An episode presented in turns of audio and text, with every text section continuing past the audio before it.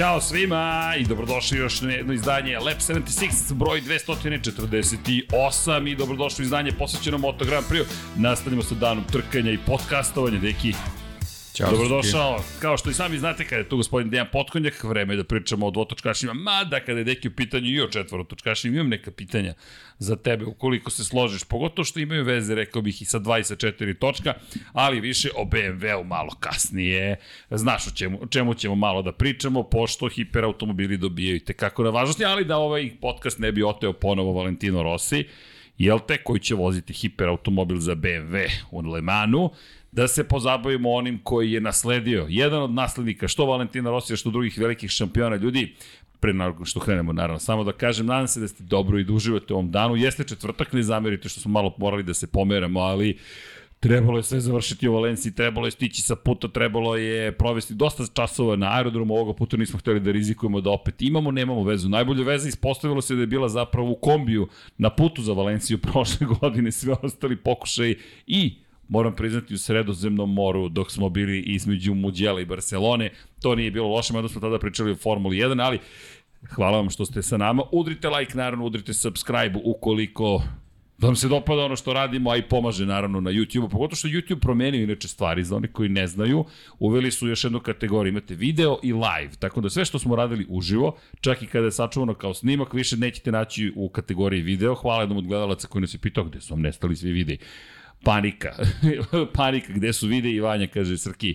Tamo gde je live, to ne znači da je to uživo, već da je to bilo ili jeste uživo. Tako da znate male promene na YouTube-u, ali to su sve delovi razvoja platforme, a nadamo se i nas kao ekipe u svakom slučaju. Mazite se, pazite se i budite dobri jedni prema drugima nekako lep je dan, iako je prošla sezona Moto Grand Prix, makar i meni. Danas sa Pajom, sada sa Dekijem, ovih dana smo, eto, radimo još neke uzbudljive stvari. Ovde su nam inače, to vam posle, mada, Neko me pitao da li da stavimo u kadar i sad mi pada na pamet, pa možda i u redu da pokažemo na trenutak. Vanja, šta ti kažeš na to? Da pokažemo šta spremamo. Izložba od 1. do 7. decembra, ovde i publika. Pozdrav celoj ekipi koja je došla. Ljudi, potpuno došli. Inače, deki danas je bila publika u jedan popodne prisutna, tako da moram ti priznati da sam pao u nesvest. Razmišljam, čekaj, jedan popodne i ima gostiju. Rekao, ok, to znači da su neki pobegli iz škole. Šalu na stranu, ali nadam se da niko ovde nije pobegao, niko nije pobegao dobro, da okej, okay, ali činjenica je takođe, može, može molba. Gde nam je naš pokrovitelj Ivan Toškov? I ja molim vas, ako Ivan može da nam pomogne, da nam pokažemo šta sve to radimo i otkud toliko stvari koje se događaju, zašto? Pa u proslavu Moto Grand Prix-a. Ovoga vikenda, naravno, to jest vikenda iza nas, desila se velika proslava i o tome ćemo najviše danas pričati. Najviše ćemo pričati zapravo onome najlepše što se desilo dobili smo svetskog šampiona. U ovom slučaju novog svetskog šampiona, momka koji već imao jednu titulu u Moto2 kategoriji, 2018. osvojio, sada je dvostruki šampion sveta, ali novi kralj kraljevske klase, ako mogu da te zamolim da prezentujemo, slobodno ubaci u, sred podcasta, jer to je u našem stilu, ali još me pitali, ćeš da bude u kadru, ma ne, ne, ne, nećemo sada, i onda shvatim, pa čekaj, svi koji prate Moto Grand Prix treba da znaju šta se događa, ali proslava jeste zapravo Francesca Banjaje, deki, bilo je nekako predodređeno, rekao bih, na kraju da se ovako desi.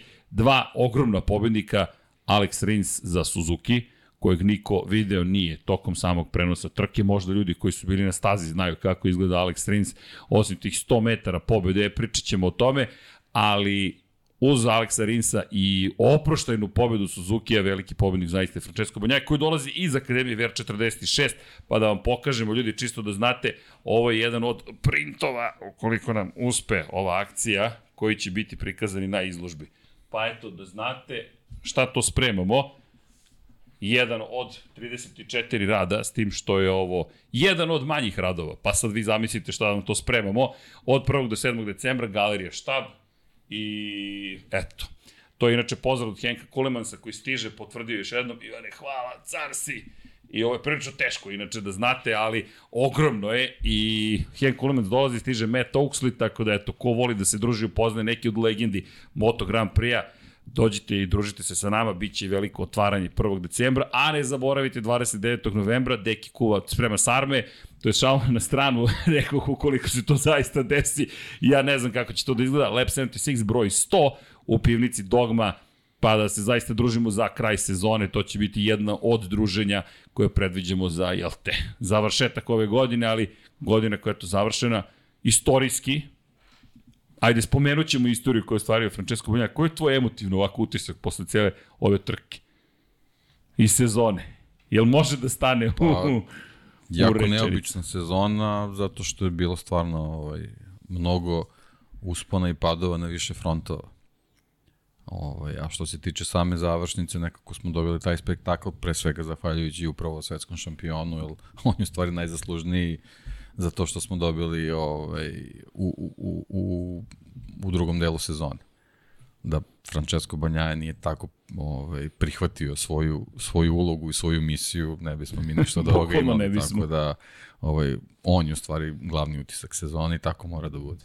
I zaslužuje da bude utisak absolutno, sezone. Apsolutno. Zaostao je 91 poen kada se završila velika nagrada Nemačke. To je bukvalno polovina sezone. Dakle, imali smo još jednu trku u, da kažemo, kalendarski gledanoj prvom periodu, i potom pet nedelja pauze kada je počeo drugi period, ali kada pogledamo broj trka, to je bila zapravo deseta trka sezone. I bukvalno u momentu kada se završava 90, 50% oprostite godine trkačke, Francesco Banjaja, naše reči su bile, moje reči su bile, neki ne se tvojih, ok, možemo da isključimo Francesca Banjaju iz borbe za titulu šampiona sveta. Mislim da čak ni najveći Dukatijevci, ni Dukatisti, ni najveći ljubitelji Francesca Banjaja nisu pomislili polako vidjet ćete preokret koji dolazi u nastavku sezone, već da su eventualno govorili možda neka šansa postoji. Mislim da smo mi spomenuli tipa na nivou, hajde da ne kažemo, pošto je matematički moguće da je završio, da neka šansa postoji, ali iskreno, ja sam zaista pomislio da ne pad u Nemačkoj. Uz pobedu Fabio Quartarara, da ne zaboravimo prošlogodišnjeg šampiona sveta na Yamahi, koji je dao sve od sebe u ovoj trci, na kraju bio na četvrtoj poziciji, na kojoj je na pobedničkom postolju nekako počelo kako se završilo kako je počelo. KTM imao Breda Bindera, Neverovatno, ali istina je to KTM koji ni, ničim izazvano ne bi trebalo da se pojavljuje u takvoj formi u nedelju na stazi na kojoj se teško pretiče i naravno Jorge Martina kao Martinatora kao nekog ko se u drugom delu sezone vratio takođe u formu. Međutim, sve to nije bilo dovoljno za Fabio Quartarara. Jedina šansa je bila pobeda uz 15. poziciju ili niže za Francesca Banjaju. Banjaju u jednom trenutku počeo da tone niz poredak, ali više kontrolisani pad bio u kontekstu toga da je htio da izbjegne bilo kakav problem. Pogotovo je bio zanimljiv moment sa Eneom Bastianinijem, ali je okej, okay, da, da ući ćemo u analizu ali je nekako na kraju uspeo da održi živce, da izdrži bukvalno do kraja i završi kao, evo reći ćemo istorijski, prvi italijan na italijanskom motociklu od 1972. velikog Giacomo Agostinija na MV Agusti, 15, 15 ostruki šampion sveta, to treba izgovoriti, kao prvi Italijan od Valentina Rosije, koji je doneo titulu Italiji u kraljevskoj klasi u 2009. godine kada je Rossi na Yamahi slavio, kao prvi šampion Ducatija još od 2007. kada je australijanac Casey Stoner osvojio do sada jedinu titulu za Ducati, kao prvi vozač VR46 akademije koji je osvojio titulu u kraljevskoj kategoriji i kao neko ko sada ima sedam pobjede, što je najviše u jednoj sezoni još Casey je stonera u jednoj godini za Ducati, uz četiri triumfa za redom upravo na početku tog da, drugog dela sezone. Da, i plus je poslednji vozač u istoriji koji je osvojio titulu u starom formatu takmičenja. Tako je, Deki, tako je, to sam zaboravio, to da, nijednom nisam spomenuo, hvala Pogasio Deki. Pogasio je svetla, smoto je kablove i to je to. I od naredne godine, da. kada će biti sprint trke svakoga vikenda, da. za treću godinu znamo. To sad već neka druga Da, priča. za dalje godine ne znamo, bit će neko novo takmičenje, neki novo format takmičenja i prvi čovek koji kaže možda ću i nositi broj 1. Nije već otpisao tu šansu, Joan Mir nije hteo da nosi broj 1 za Suzuki, nije hteo da nosi za Yamahu Fabio Quartararo, Francesco Bonja je rekao da vidimo. Na testiranju u utorak koje se održala dva dana posle osvajanja titule bio na sa brojem 63, ali eto postoji šansa za nas, kažu starije, eto da vidimo broj 1. Ne znam da li je to pitanje godine ili prosto sada već je pitanje promene, ajmo da vidimo nešto drugačije, pa eto saznaćemo, ali u svakom slučaju istorijski dan za ne samo Peka Banjaju, već i za Ducati. Ja mislim da je spasao mnoge živote, a i karijere. Kada kažem živote, ja ne znam kako bi podneli. Zaista, Davide Tardoci imao puls, broj otkuca srca od 140, otkuca je u minuti. Da, pritom Davide Tardoci nije čovjek koji je od početka u tom čitavom programu, ali očigledno da je stigao sa misijom i zadatkom. I mislim da ne bi nikako bila dobra priča da se, da se ovo nije završilo na način kako se završilo. Tokom cijelog ovog boravka u Valenciji, pa i kada smo i ti ja prošle nedelje najavljivali šta će se događati, to je nekako bila glavna tema i morate priznati na stazi samo mnogo ljudi je upravo to isto komentarisalo da bi bio, da, da nije Peko iskoristio Inače, prethodni zadatak Davide Trdocije bio je da BMW dovede do vrha u Superbike šampionatu, to znamo da nije baš prošlo sasvim da. dobro, tako da i njegovo ovaj, uzbuđenje i nervoza je bila potpuno razumljivo u ovoj priči, zato što ako posle toliko vremena to i dalje nije na, na, na dobrom putu, onda zna se naravno šta sledi, a ovaj, taj eh, bum Peka Banjaj u drugom delu sezone je doveo do toga da, da je svima njima u stvari iskočio taj adrenalin zbog, zbog nekih očekivanja koje su sigurno bila u jednom trenutku potpuno umagli. Pa, Tako da sva ta pomešana osjećanja potpuno razumljivo da su dovela do, do svih tih njihovih reakcija i emocija i, i svega toga. Lepši scenarij za čelnike Ducati. Inače, Davide Trdoci je menadžer fabričkog tima za koji su do pre koliko četiri dana vozili što Francesco Banjaje, što Jack Miller. I bio je u situaciji da od osam vozača Ducatija mi ne znamo zapravo ko je kandidat za titulu šampiona sveta. Toliko su se smenjivali, te jedan brz, te drugi brz, te jedan brz, te drugi brz.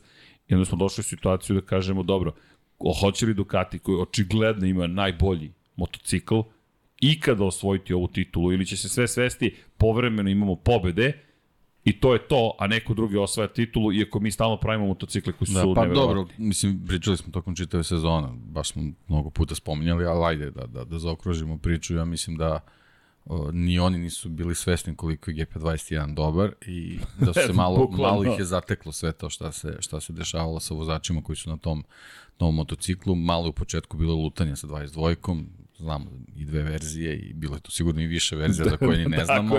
I onda kad je to sve u stvari leglo na svoje, onda je bilo, bilo je u stvari na vozačima, to je pre svega na Banjaji, taj izuzetno težak da, zadatak za sve to što su zakaskali u početku sezone da ispeglaju i da nekako u finišu dođu tamo gde trebaju da budu. Eto, on je, on je uspeo.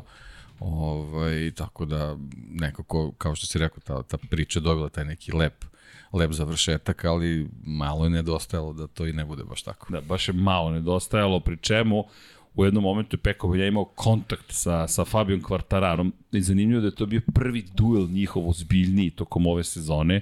Dakle, dva velika kandidata za dva velika rivala da, za titulu. Da, ja mislim da je taj u stvari moment uh, i pokazao koliko je i, i Peko sazreo kao vozač, kao čovjek koji je apsolutno svestan šta je potrebno da uradi titula i taj ta polovina kruga ili taj čitav krug je u stvari krug gde je on u stvari uh, uradio sve da bude siguran da Fabio Quartararo neće pobediti. Neće pobediti, da, da, da, da, da, budemo da skratim priču, pa da.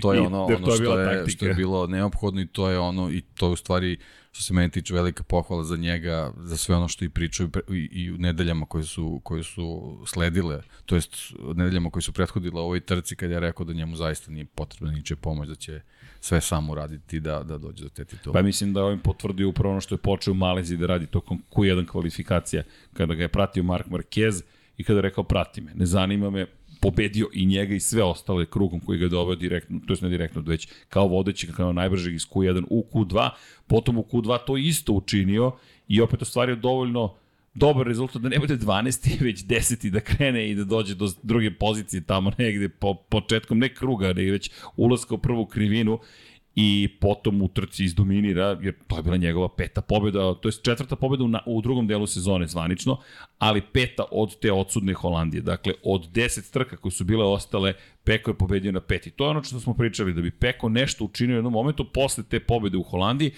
ok, možda nešto može da učini ukoliko sada krene da pobeđuje. Krene da pobeđuje, međutim, vidi se taj moment kada je već postalo neizvesno između njega i Fabio Kvartarara, kada više nije bilo potrebno juriti pobede, kao što ti lepo rekao, zrelost i sada, što je takođe me oduševilo, taj moment, pa lucidnost na neki način, imaš strategiju, ali Jack Miller napada u krivini broj 2. Valencija inače staza koja je vrlo kratka, 4005 metara, jedna od najkraćih, druga najkraća u kalendaru posle Saxon Ringa i ono što je takođe specifično za Valenciju, vrlo je uska staza.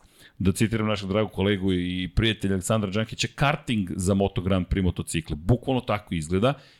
Jack Miller napada i Francesco Banjaja potezom koji se redko viđa u momentu kada ti ne smeš da padneš, uleće u Fabio Quartarara, ne odustaju ni jedan ni drugi, otkida se jedna, od, jedna od krilaca se otkida sa Ducati, pomislio sam da je Quartararo odletelo, inače to izaziva ozbiljnu nestabilnost motocikla, o tome ćemo pričati, malo ćemo se dotaći i postsezonskih testiranja, nećemo sad analizirati svaki motocikl po osob, pošto ipak kraj sezone i da ne zaboravimo, dobili smo i šampiona sveta u Moto2 kategoriji, Augusta Fernandeza takođe više nego zasluženo, zaista odradio bolji posao nego, nego Ajo Gure koji izletao sa staze, ali u tom momentu Banjaja, dakle, izleće ispred Fabio Quartarara i radi ključni deo, a to je usporava Fabio Quartarara, teško je preteći na stazi u Valenciji, Fabio sada mora još više da rizikuje, do momenta dok je uopšte našao načina da napadne Banjaju koji nije ni planirao dalje da se brani, već je zaostajao sekund i po. Nadoknaditi sekund i po, to je kao na nekim drugim stazama 3 sekunde i još pride i ispred sebe imaš tri munjevita vozača koje ćeš teško nadigrati.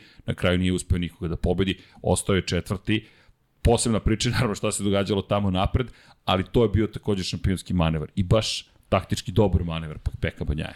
I baš si lepo rekao, to je bio cilj. Ne dozvoliti da Fabio pa, Quartararo pobedi. To je i, i ovaj, verujem da i u pripremi za trku se razmatrali takva mogućnost, a on je sve sproveo u delo onako kako treba da uradi. Šta često kažeš? Veliki šampioni i šampioni generalno urade ono što je potrebno i što im se traži u tom datom da. trenutku. Pa ne, nema, nema oslanjanja na, na situaciju, vremenske prilike, zvezde, bogove i tako dalje. Jednostavno, ti si taj koji u rukama drži svoju sudbinu i, i, i to, je, to je način da pokažeš koliko si samouveren. Posebno što sediš na motociklu koji je iz razno raznih uglova ocenjen kao, kao najbolji. Znači, jednostavno, izgovori ne postoje i kažem, meni, meni onako, što se njega tiče, već duže vreme ovaj te izjave onako stvarno mi onako me fasciniraju zato što je odavno pokazao kakva je samouverenost, koliko je bio samokritičan prema sebi u Japanu i tako dalje i tako dalje. Znači to je to je u stvari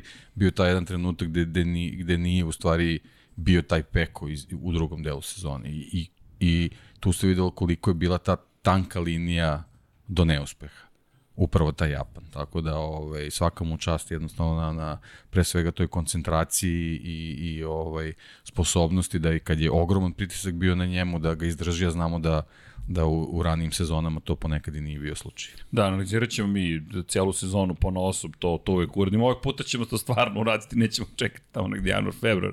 Ali činjenica je da, da je, da je Peko imao dve godine. Da, da ne ulazi sad ponovo priču, kažem, pričat ćemo o celoj sezoni, međutim, ova završnica sama Valencija, pritisak je bio ogroman.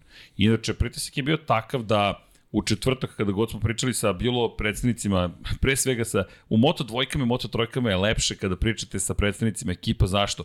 Mnogo su otvoreni, njih većinom ljudi ne pitaju previše pitanja. Pitaju ih, postoji interesovanje, ali nekako kada se pogase kamere, one koje su predviđene baš za taj događaj, u kontekstu toga da je Dora organizovala konferenciju za medije, kao da nisu dovoljno bitni, što, što je moje mišljenje, ne znam da se slažeš, ali to greška, to su trkači. To je ono što ti često spomeneš, ako odeš na odbor, potraži stazu, nije bitno ko se trka, neko se trka.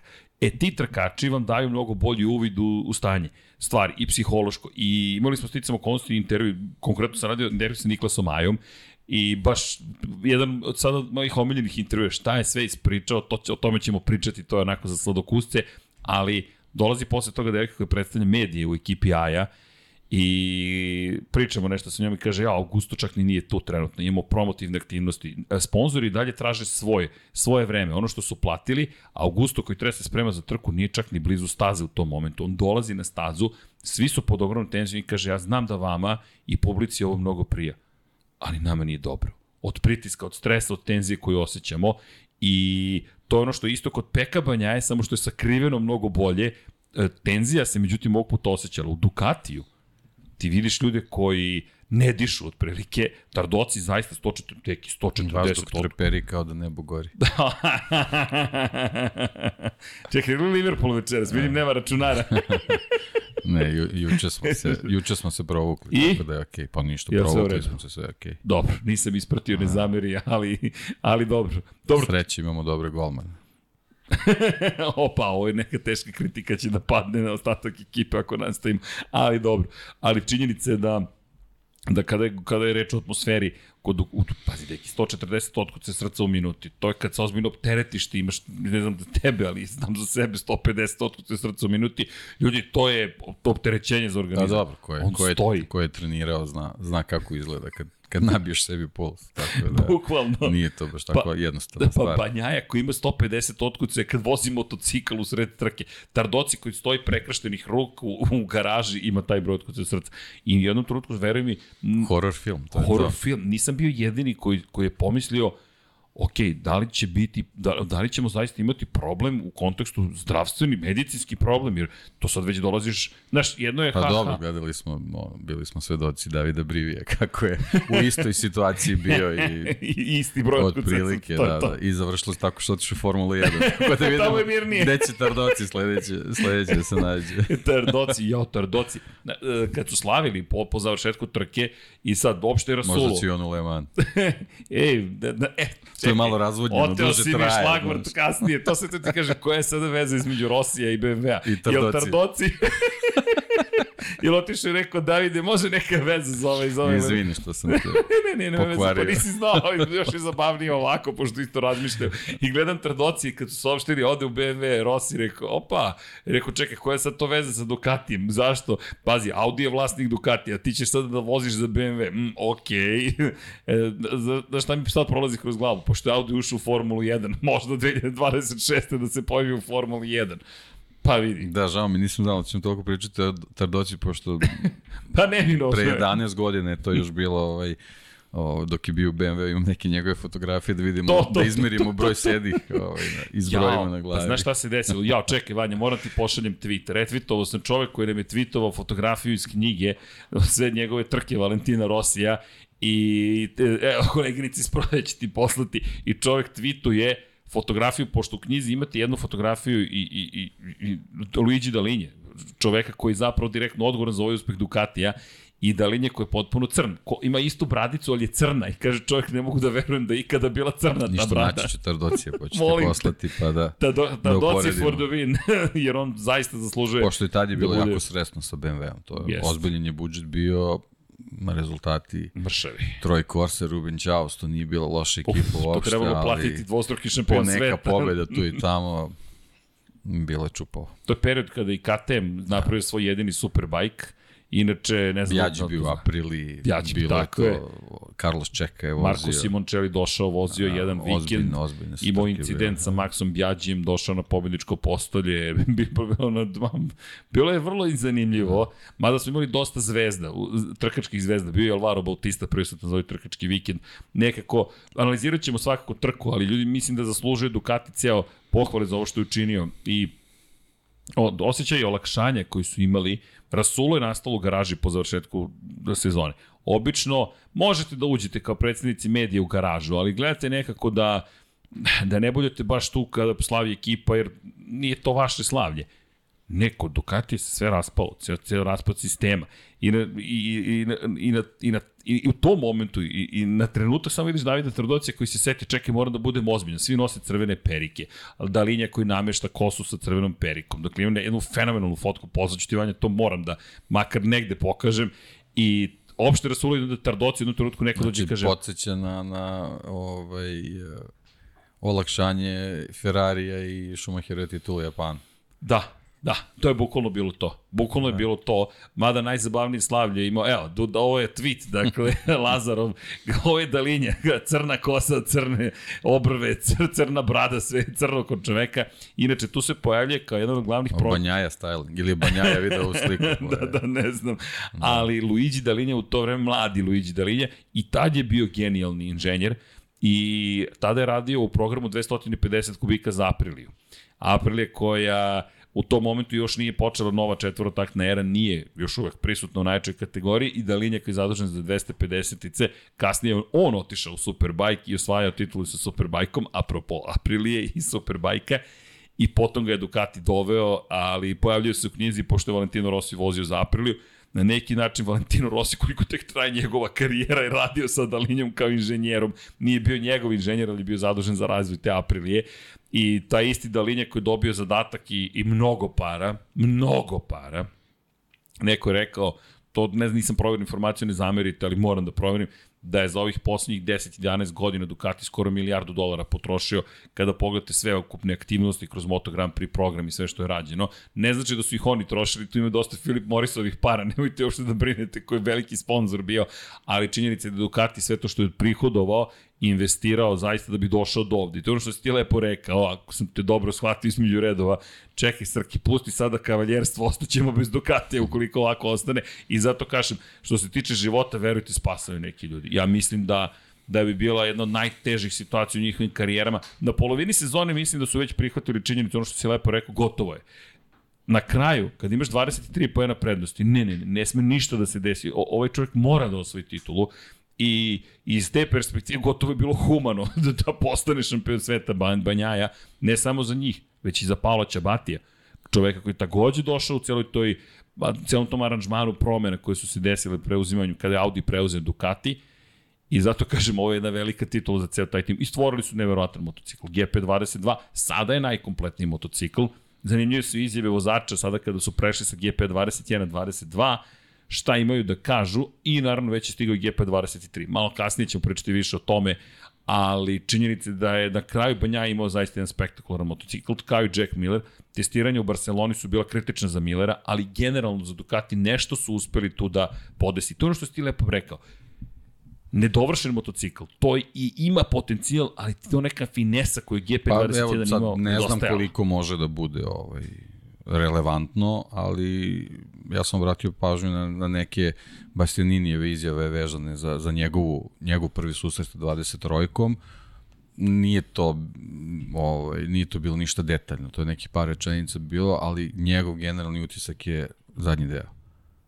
Očigledno da je, da je tu nešto nedostajalo, da je to neko prijanjanje možda u nekim trenucima nedostajalo da, da, da taj prenos snage bude efektan u svakom trenutku i, i to je nešto što njega fasciniralo u tom, da kažemo, kratkom susretu sa, sa ovaj, 23, u stvari 22, on je da, pretpostavljam da je, da, pa, da, je 22 u stvari. Ima oplatu 23. Ne, ne, ne znamo mi u stvari št, na čemu su oni, ovaj, koje su motocikle koristili u svakom trenutku, ali, ali generalno vezano za 22-ku, to je nešto što je, što je on potencirao. Da, inače, apropo tog testa, utorak, koji, kojim smo srećem prisustovali, i kada fotografišete te fotografije, tek kada detaljno izanalizirate, možete nešto da vidite. Iskoristio sam Bastianinija pre svega kao neko ko je ogromno iznenađenje priredio sa 20 jedinicom ove godine. Tako je, pobjede zabeleži. Uh, I, i ovaj, eto, taj njegov utisak 22 je možda, možda nekako naj, najrelevantniji. Da, on čak nije ni bio toliko oduševljen, da kažemo da je rekao, wow, ovo je nešto da. najbolje što sam ikada video, za razliku od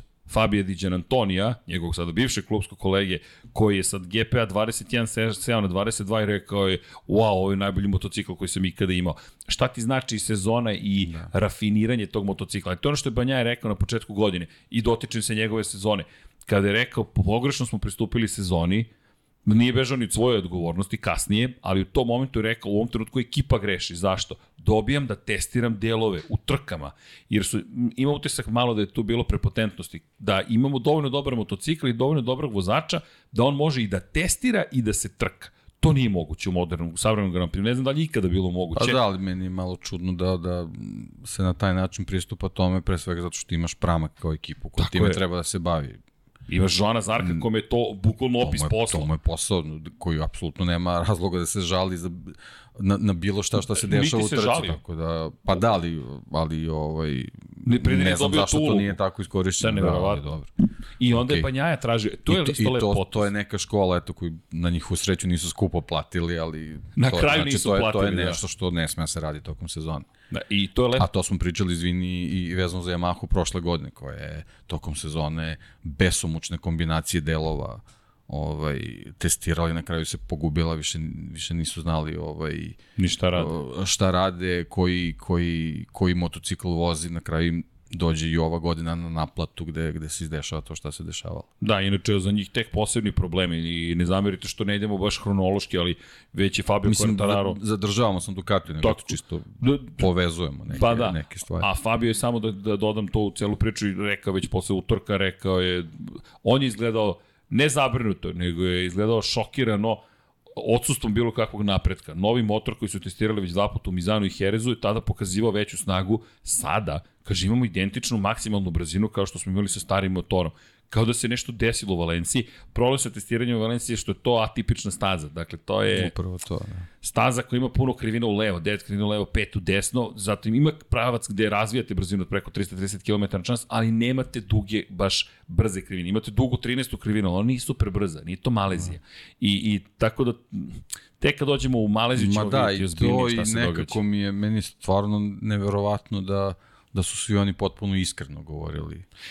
To, Sad to jednostavno se... moram, moram da imam zadršku tu. Čekaj, deki, ti si car, dakle, de, de, de, de, trenutno i duh paje živi sa tobom, jer ja sam taj koji je kao, kao naivni de, dečkić iz osnovne škole, pa znaš, on je rekao, sad ću da se naljutim što on to nije rekao. I sad nešto pričamo, komentarišemo, znam, digresiram, ali navikli ste, nadam se, Mark Marquez, kada se završio test sa Hondom, ne, ne, mi s ovim motociklom ne možemo da osvojimo titulu, i sad ja razmišljam, čoveče, dalje, i pričam, pričam, ajde, s jednom osobom, i kažem, pa dalje moguće će opet da bude, evo mi gleda.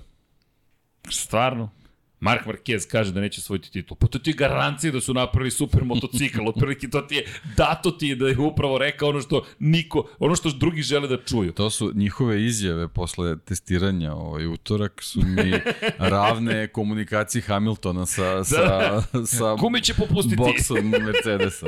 Evo ga najbrži krug. Ali, ali... To su neki šifrovan poruke nekom. nekom. Ne, ne znamo kome, ali... Da, ali bukvalno to je da. utisak. I ako stojim različan... Kažem ti, zaista mi je nevjerovatno da su sad svi bili toliko iskreni. Da, da. Posle par nekih revijalnih krugova daju ocene o nečem što, će, što treba tek da se testira za tri meseca. Znaš ko je bio iskren?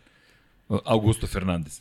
To je jedini Novajlija, inače već znamo da će biti Novajlija godine naredne sezone, pošto će biti jedini Novajlija u Moto Grand Prix. To je inače na gala večeri rekao, uh, Kevin Emmet je vodio gala večeri, kaže i evo ga šampion sveta Formule 2, uh, Moto 2 šampionata, koji će naredne godine biti i Novajlija godine i bit će ovde na ovoj bini sigurno kao Novajlija godine. On je jedini Novajlija godine. Fenomenalno. Tako da Augusto Fernandez je došao i bukvalno ispriča i videli smo, vidjet ćete posle, mislio sam kasnije malo da se pozavimo testiranjima, ali njegov test starta. I ti kada pogledaš njegovu pozu i pozu ostalih vozača, on sedi skoro uspravno dok treba da vežba start, jer je navikao da tako startuje u moto dvojkama i posle opisivao, ja kaže ne znam da startujem, ne znam kako da oborim motocikl, i kaže to je potpuno druga vožnja motocikla.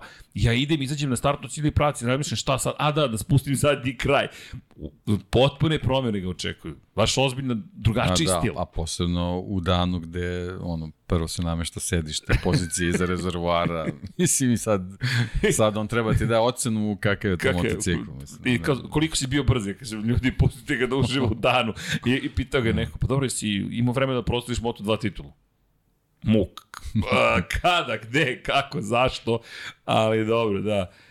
Da, da tek danas kreće. Stvari, tek, da, inače, juče krenuo. Da, inače, zašto se utorkom organizuju uh, testiranja, uh, ha, urbana legenda, urbana legenda kaže da zato što je velika žurka nedeljom, da imate veliki i dornine žurke, generalno žurke nedeljom po Valenciji, jedna od njih se zove inače Košiša nedelj, uh, testove po nedeljkom, drugi termin, ali eksplicitniji, ali ne bih sad da ga koristim, ali u ponedeljak zapravo vozači dolaze da probaju dela, da se nameste, da se prefarbaju motocikli mehaničari, to je bilo zanimljivo, kada se završila trka u nedelju, već su krenuli da slažu ko, koji motocikl ide gde, kome, šta, sređivanje, skidanje nalepnice i tako dalje. I zato je zbudljivo biti u Valenciji. To pa pre, ove godine je bilo savršeno vreme. Kada vas posluže vremenski uslovi u Valenciji, to je to je takvo uživanje. Inače, predivan grad, nešto manje od 800.000 stanovnika, dovoljno velik, dovoljno mali, uslovno rečeno, grad koji, se, koji ima Moto Grand Prix trku, ima futbol, ima košarku, ima kulturu, ima nauku, ima univerzitet. Pomoranđe. Pomoranđe, ima, jel te, tež, ne, izvinjam se, da, ko je, ko je zapravo... Ima reku koje nema. Tako je, tako je, tako je, Turija, Turija, ne teže. Dakle, tu teže je malo, ma, malo desno, što, malo da. zapravo levo, da ne kažem na zapadu, u Portugali, ali kada govorimo o Turiji, reka Turije, za, za one koji ne znaju, koliko niste bili u Valenciji, njeno korito je ostalo, ali reka, tok reke izmešten posle velikih poplava 50. godina i sada u koritu reke nekadašnjem imate bašte, restorane, futbolske terene, košarkaške terene, operu, imate na tamo gde je bilo zapravo ušće reke, je Santiago Calatrava stvorio jednu od svojih urbanih, legend, urbanih, možemo reći, kultnih remek dela i to jeste grad nauke i umetnosti, okean, okeanarijum i tako dalje, fenomenalno tići još uz dobre vremenske uslove na obali sredozemnog mora. Plaže nisu savršene, ako vam je to neka muka da znate, morate do Ibice koja je na 6 sati e, brodom, a hidrogliserom 2,5 sata. Pa eto, teško, teško, teško je. Ali fenomenalan taj osjećaj testiranja posle i gledati motocikla 8 sati čistog testiranja. Za sladokusti, sticam srećnih okolnosti i zadovoljstva nama je posao da budemo dole tokom testiranja Ovog puta punih 8 sati testiranja. Ali dobro, dan inače u nedelju pripao Francesco Banja i mnogo toga je zaista postigao i njegovo sazrevanje.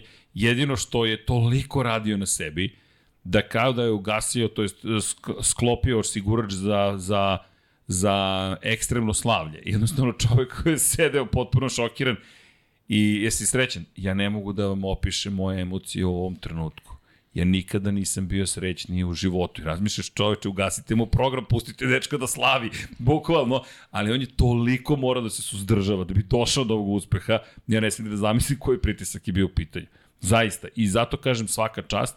Fabio Quartararo takođe svaka čast, dao je sve od sebe u završnici. Da, dve sezone, prvi deo je bio njegov, drugi deo nije bio njegov, već smo pričali o tome i analizirat ćemo dodatno, ali činjenica je da, da nekako je opet, i on to i rekao, u jednom trenutku sam opet počeo, opet je počeo da se baviti motociklom i činjenica da je Yamaha nije napredovala tokom sezone kao što je napredovao Ducati. Pa eto, za utehu je što je u tri poslednje sezone u svakoj je bukvalno do samog kraja u igri.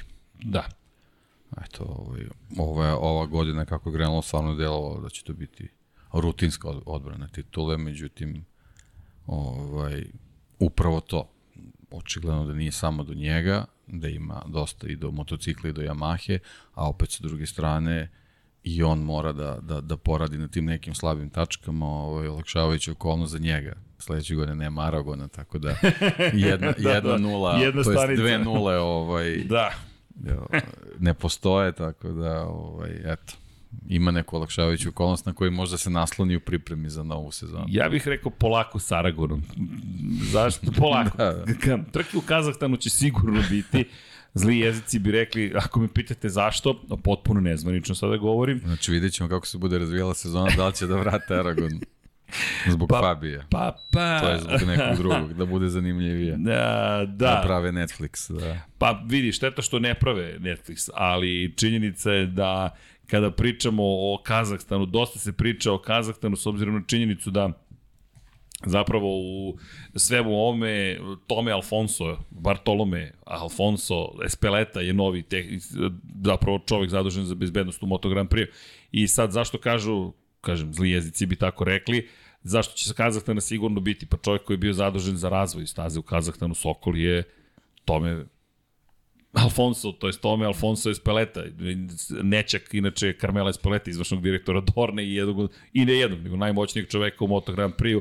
S druge strane, čovek zadužen za razvoj staze u Aragonu je Tome Alfonso, tako da iz te perspektive ne, neke stvari verujem da se neće promeniti, a inače ljudi koji su pravili stazu u Valenciji nisu dobili ugovor ove godine opet da rade bilo šta u okviru Valencije, dobila je kompanija koja pripada Tome Alfonso.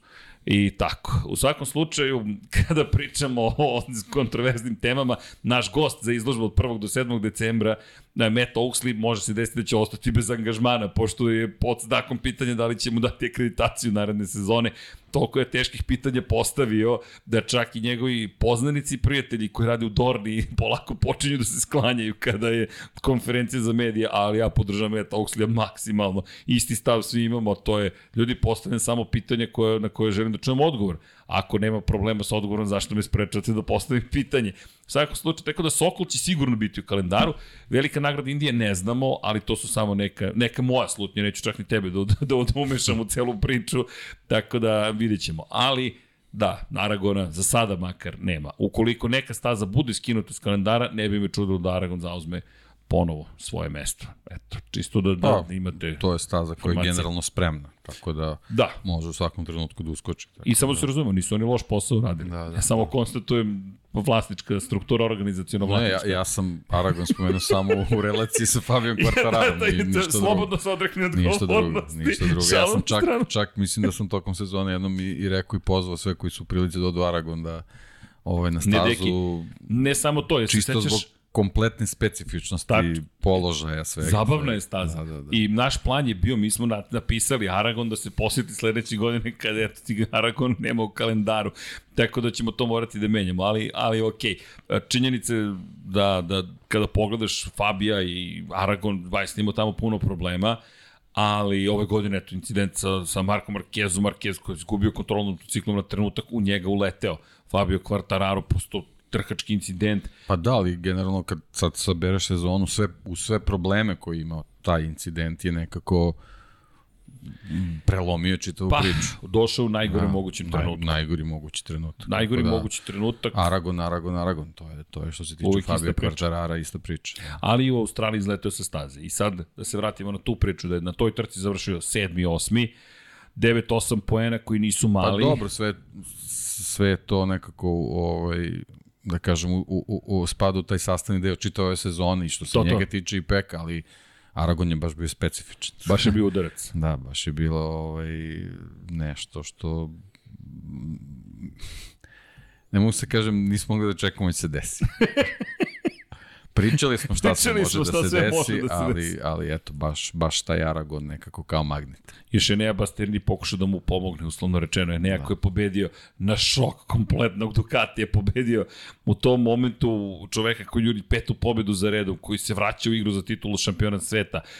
Pao je Fabio Quartararo, tih 25 pojena je kritično u celoj priči, međutim Nea Basterini kaže, sorry, imam ja nešto da kažem na ovu temu, četvrta pobjeda sezone. Inače, jedan moment si desio u Valenciji, kada je naišao Nea Bastianini i bio jedno vreme iza, svi smo na isti način protumačili po završetku, pošto smo mi u komentatorskim kabinama koji nisu blizu medijskog centra i kada smo se vratili u medijski centar i sad pričamo, pričamo, pričamo i svi, Enea Bastianini i svi ovako. Ok, kažem, pa dobro, nije ga napao. Pa nije. Ali nije, sedeo tu jedno ali, vreme. Ali znaš kako, mislim da, da ima o, u toj priči udela i to što je već bila rešena situacija sa Alešom Spargarom. E, između da, ostalog. to nije bilo rešeno, ne znam. Ne znam šta bi se da, dešavalo. To, to mi priznam nije palo na pamet, ali da, Aleš Espargaro koji je zapravo izgubio treću poziciju u šampionatu sveta i e, bukvalno tokom gala večeri posmatram proglašenje treće plasiranog i ne Bastianini izlazi. Sad, ne čujte gala, nije to Hollywood, nije to dodela Oscara. Ali za nas je... To, to je, to, to, da. ok, jesi imao i sličan utisak? Ja moram da vam kažem, apropo gala večeri, znate kada neko nešto napravi tamo kasnih 2000-ih i to uspe i 2007. 8. 9. to izgleda spektakularno i onda kaže pa dobro to je to i nastavi narednih 15 godina da radi istu stvar. Verujte nije isto verujte, mo, zašto je progres neophodan? Zato što se pa, vidi kad ga 14. nema. 14. 11. 21. mi nekako to sve onako bljak. Da li znaš da smo se dotakli i toga? Da.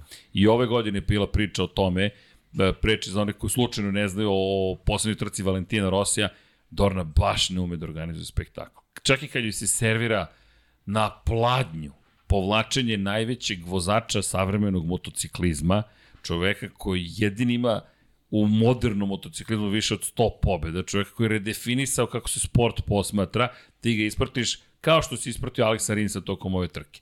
Evo vam 100 poslednjih metara čoveka koji je, koja je živa legenda i koji više neće nikada voziti. Evo vam 100 metara Aleksa Rinsa kako pobeđuje u Valenciji. Ne mogu da vam kažem ništa da se zaista desilo namerno, ali opšti utisak je da je lično bilo kada je reč o Suzuki i Dorni, baš lično i da nisu imali nameru uopšte Suzuki da se vidi jednom pa, momentu. Pa čitavog vikenda tako delo. U petak ih nismo da. videli, što je potpuno besmisleno i ponašaju se zaista kao u vrtiću, umesto da napraviš od odlaska Rosija, od odlaska Suzukija spektakl. E, inače, pokušali smo da, da objasnimo. Da bi... Praviš melodramu, ne Tako da... je, ne, praviš... Pre, praviš da, šta god poželiš, da se, to je tvoja priča, to je tvoje dvorište. Tako je, to je tvoje dvorište. E ne, ovi neće da se igraju kako smo mi hteli, Nema ih u dvorištu. Pa znam, ali vama upravo pobeđuje Alex Rins. Alex Rins zaslužuje titul za najčeg cara univerzuma u nedelju, uz Francesca Banjaju u svetu trkanja, zato što je Alex Rins, ako pričamo da nema više pirata, poslednji pirat u ovom momentu i uporno kao Jack Sparrow jaše taj brod je Alex Rins. Da, da, da parafraziram jednog od naših kolega. Da li je ovo veliki udarac za Dornu i Šamar čelnicima Suzuki što si upravo uradio? Ja to ne bih smeo da kažem, to ste vi rekli. I ti vidiš čoveka koji uživa u trenutku, bukvalno, evo vam ga na. To je bukvalno poruka, evo vam ga. Zašto? Odlazite iz šampionata, mi imamo dve pobede u poslednje tri trke. Odlazite iz šampionata, iako sam bio na istoj poziciji kao i Fabio Quartararo na početku te sezone. Dve pobede nisu stigle zbog nekog spleta okolnosti, ne. nego to su prave pobede od početka do, do kraja trke. Ovo je dominacija bila. Kako se nametno u prvoj krivini, da inače, moram da pozdravim velikog Liverpoolovca, gospodina Fašketa, čoveka koji je jedan od glavnih ljudi u Dogmi, jedan od suvlasnika Dogme s kojim inače sarađujemo i naš prijatelj kada je reči o 99 yardi. Kako zbog te Dogme taj nadimak nije evoluirao u flaške? to, to, to, svaki put se pitam kada ga spomeneš zašto to nije tako. Kako? Limenke su, nisu fa. Pa dobro, ali pa dobro, zna se šta je asocijacija. Zna se, pa, pa da. naravno kako to funkcionira. Ne, koleginici iz proda na sponzorstva ide. Super Ken festival. Ali polako s komercijalizacijom. Inače, optuženi smo da smo se komercijalizovali. Ja ne znam šta to znači, ljudi. Evo, pišite nam ako smo se previše komercijalizovali. Ja bih volio da razumem šta smo učinili da se komercijalizujemo. Ako vi znate, pomozite. Dakle, rado, će, rado ćemo to učiniti, ali za sada nismo baš otišli tim putem ali kako god, dakle, činjenice flaške, moram to da mu prenesem. Ne, ovo, ovo je za interni reels. Znači, ovo sečeš vanje i pošaljemo flaški tu i kažemo, evo ti ga novi nadimak. Elem Faški koji dolazi kod mene u subotu i kaže, slušaj, Erceg, Alex Rins sutra pobeđuje. Tačka. Inače imali smo super okupljanje u subotu i mnogo ljudi došlo, hvala svima ljudi. Ko prati je bio u Valenciji, hvala. Kome nisam stigao da sam im ne zamerite, pokušajte da što više poruka, ali verujte, to je posao, to je zaista posao, to je jurnjava s jednog mesta na drugo i, i bilo je preko 20 ljudi u koktel baru koji koji je delovao dovoljno lepo da se tamo organizuju. Inače, pričao sam to i tokom podcasta Formula 1. Ljudi koji su tamo porodični posao, tata, mama i sin i sad dolazi neka grupa ljudi koja priča na stranom jeziku i priča samo Moto Grand Prix, svi su u različitim majicama. Malo Rosijevaca, Kvartararovaca, Markezovaca, malo dolaze ljudi koji su na strani Suzuki i sad sede svi tu i pričaju Moto Grand Prix, ok, Moto Grand Prix ipak je tu trka leva desno i mi dolazimo i ne, nešto počne pričati kao odakle svi ovi ljudi? I mi kaže čekaj, evo ti da vidiš ga, I sad onda ide, evo vam da tura pića besplatno, ajmo da se svi fotkamo, otprilike skup neki porodični postao i znači je bilo divno i jedan od gledalaca kaže, Alex Rins pobeđuje. Takođe je rekao, ok, sad imamo dva već čoveka koji glasa za Rinsa, prva krivina. Deki, ono je kao Francesco Banjaj u Maleziji. Evo me, bum, samo se pojavio. I nismo ga više videli. U svakom smislu te reči ga više nismo videli, jer zašto biste gledali čoveka koji se bori za još jednu pobedu u karijeri? Pazi, pobeda vrlo ozbiljna, čak i meni veća od one u Australiji. U Australiji pokazuje da je pono majster duela sa, u duelu sa svima, pa i sa Markom Markezom i to četiri godine posle onog veličanstvenog duela. Pa da, a i pokazuje da staze gde ne mora baš jako da se koči, da Suzuki stvarno ovaj, ima Imaš, taj neki ima. duh iz, iz svoje šampionske godine, da taj ima. motocikl ima nešto, ali da mu mnogo nedostaje. Pa videlo se da, da, to je, da ima puno to što mnogo nedostaje, u stvari bila verovatno kap koja je i prela čašu Suzuki uz verovatno sve neke druge probleme koji su imali, ali verovatno ta nemoć da, da, da otkriju šta je to potrebno da taj motocikl bude baš moćen, verovatno ih je baš onako dotukla. Kada je reč o, o, o tome ko je dotukao koga, mislim da je Ducati sve dotukao. Da je Ducati sa Dalinjom toliko transformisao Moto Grand Prix, Inače, sada polako efekt tla se uvodi u neka koncept, neka primjenjena stvar u to. Slušajte ovog čoveka, molim vas. Dakle, slušajte ga češće. Ne, ne, ne, ne brini, ne, sad već se navikao. Ali istina ono što govorim, imam, imam i dokaze, imam, imam do, krunske dokaze u ovoj istrazi. Lepo je rekao, ovo liči na 90. Si rekao, jesi. I si najavio sve što se događa da će se desiti, sve ste mogli da čujete u Lab 76. Da li nas hvalim? Apsolutno. I evo, da znate, najavljujem od sada da nas hvalim. Zašto? Što zaslužujemo. Pre svega ti. Dakle, šta si govorio? Govorio si tome, ljudi, ovo liči na to i to. Jesi rekao, liči mi na DTM sa svim novcem i brojem motocikala koji dolaze iz perspektive, iz pravca KTM-a, iz pravca Ducatija, Da li se to događa? Događa. Inače, rekao sam, moj prijatelj Deki govori da je ovo DTM. Sve opet u pres centru jeste, ovo je isto kao DTM. Jer vidiš kako razvojem određenim ubijaš sve ostale konkurente. Suzuki ovo nije mogo da isprati više. Dakle, ti sad imaš takozvane shape shiftere. Mi smo došli do toga da imamo gumiflexa. Ko se sjeća gumiflexa, iz Alana Forda, razloči svoje lice, može da liči na bilo koga. Tako sada izgledaju motocikli. To što je Augusto Fernandez rekao, tebi se spušta zadnji kraj, prednji kraj, ti se, to se, menja se oblik motocikla. Motociklizam potpuno drugačije izgleda sada nego što je izgledao pred samo tri godine. Ducati je nametnuo taj tempo razvoja. Jer nije to samo aerodinamika. To je sada oslanjanje, kompletan sistem upravljanja motociklom. Audi je nametnuo, ne Ducati. Audi je bio gospodin Dejan Potkonjak. Da. gospodin Dejan Potkonjak, da. dame i gospodo. Čisto da znate. I lepo si rekao i to se upravo događa. I, i bukvalno se događa i Suzuki, ne opravdavam nikoga, ali činjenice je baš teško ispratiti taj tempo. Pogotovo kad ti ode Davide Brivio i ostavi to bezglavljenog i onda Šinići Sahara mora da radi nešto što nikad nije trebalo da bude njegov posao, koliko god Sahara bio dobar u tome, ključna stvar kod Davida Brive, koji da, inače bio prisutan. Su, mnogo su daleko od epicentra dešavanja u Moto Grand Prix. E sad, šta se tu desilo? Davide Brive, upravo to sam da kažem, je da ta ključna veza između Evrope, da je tim i Japana. I u Japanu je Davide Brive uživao veliko poštovanje. Zašto i kako, to nikada ne znate. Japanska kultura je drugačija od naše. Nit bolja, nit lošija, drugačija. Prosto drugačija. I iz nekog razloga neko uživa neko poštovanje, neko ne uživa poštovanje. Davide Brivi je uspeo da izgradi takav odnos sa čelnicima Suzuki-a, da kada on kaže otpustite Joana Zarka, otkažite njegov predugovor sa Suzuki-im, dovedite Aleksa Rinsa, oni to urade. E, taj autoritet je nestao. Ken Kawuchi je tehnički direktor, Shinichi Sahara jeste šef projekta, ali to je veza sa Japanom. U kontekstu toga to je japanski čovek. Inače, ako ste pratili i priču, malo smo spomenuli Gona, Carlos Gon koji je zapravo evropljen koji je upravljao japanskom kompanijom. To u Japanu nikad nije bilo kako treba, nisu mogli da prihvate da upravlja Nissanom evropljeni. To ne znači da im da smeta Evropa ili evropljani, već da je to pitanje časti. Čeka, ovo je naša kuća, naš dom, dođe neko sa strane. Tako to percipiraju i to je tako. Ali u ovoj situaciji bez brivije neko izgledalo čudno. Inače, mnogo nežano oprošta i svi su bili sentimentalni što odlazi Suzuki, Davide Brivi se pojavio kod kuće praktično. Inače, Livio Supo, to smo sad saznali, Livio Supo nije ni znao da Suzuki između sezona zapravo već planira da se povuče. To je znao samo vrh, vrhunski, vrhovni menadžment na vrhu same piramide i Livio Supo je to saznao pre ostalih naravno, ali Livio Supo kog su doveli nekadašnji menadžer Honda, menadžer Ducatija, nisu mu rekli da zapravo neće više biti ekipe. Tako da i Livio Supo je doveden na jednu vrlo lošu poziciju i Livio Supo je bio mnogo srećan kada su pobedili u nedelju. Livio Supo i Statak Suzuki kako su slavili. A ne pamtim da se ih tako video. Da srećne, ali to je baš bilo romantično. I da na trenutak, neću reći da je ukrao trenutak jer Dorna to nije dozvolila, ali zaslužili su svoj, svojih 5 minuta, ne, ne 5, 15 minuta slave i Suzuki i Rins i mnogo je bilo nekako poetično, znaš, prazni se, to je Matt Oaksley lepo fotografisao, taj deo gde stoje Suzukijevi kamioni, jedini je prazan u ponedeljak. Jedini su oni napustili cirkus, je otišao samo za njih.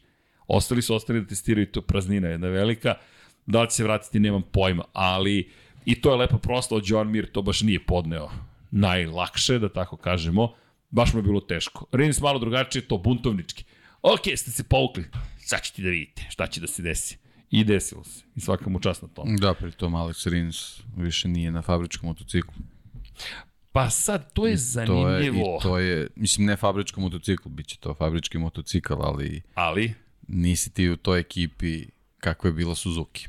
Tako da to je onako stvarno iza njega jako bitan i veliki prelomni trenutak koji je to on, on, on je odlučio da to završi na način kako je radio.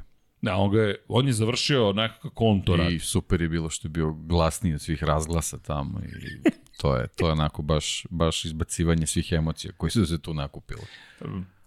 Pa da, mislim da, da, da je to A baš... A sve je naopako i loše krenulo sa, sa, sa onim Herezom i izbegavanjem Jacka Millera i Još... mnogo, mnogo je tu bilo ovaj, nekih situacija zbog kojih ni on ni, ni Mir nisu možda pružili sve šta su mogli u Suzuki e, apropo Mira, Apropo zapravo Rinsa prvo. Rins, kao što si rekao, neće biti na fabričkom, tačni, bit će na fabričkom biće, da, motociklu, da, da.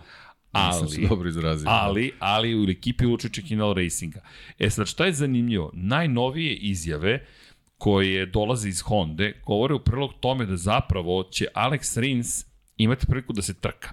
A da će Takaki Nakagami pa dobro, da, to biti zadužen da testira delove tokom vikenda. To je zanimljivo s obzirom ja mislim na činjenicu... da je Taka zato i ostao u toj, toj priči. Tako Jer je. treba neko iskusniji na motogram pri motociklu. I šta se još desilo? Desilo se da zapravo... Mislim, izvini, Taka no, apsolutno po meni nije zaslužio da ostane u motogram pri. Ni na koji način. Samo da se razumemo, apsolutno ni na koji način. Ja zaista ne vidim kako mi možemo da pričamo o Takakiju na Kagamiju na, na ozbiljan način kada je čovek... U, u takmičarskoj priči. U takmičarskoj priči, da. apsolutno. Mi ne pocenjamo na Kagami kao vozač motocikla. Sve okej, okay, to su sve vrhunski vozači, tu nema ničeg spornog. Ali neko ko je tako loše predstavljao što sebe, što kompaniju, što tim u poslednjoj godini, i još je povređen, neka i povredan razlog, ne možete da ga ostavite kao trkača. E, tu su mu našli meri, mesto. I to i ja smo pričali o tome. Ko ti je jedini ko ti je testirao i 2020-icu i 2020 da. i 2022-ku. Takaki Nakagami. Konačno, on je taj koji je razvijao ovaj motocikl. Tako je. I ne, to je, pa, ne, to je bilo jednostavno, ako, ako je i postojalo neko postavljanje na tas Ogure i, i, i Nakagamija, ovaj, samo, samo je to iskustvo prevagnulo da on ostane u toj priči. E, i, I mislim da je, da je priča tako je napravljena, od njega se apsolutno ne očekuje ni jedan voz sledeće godine. Uh, neka. Nego neka, neka, neka druga uloga je tu. Ne, ne, njegova uloga će biti vrlo jasna. Šta je radio Kal Kranačno, na primjer, tokom ovog vikenda? Dobije gumu koju ekipa glavna ne namerava da koristi. Kažu, vozi na ovoj gumi.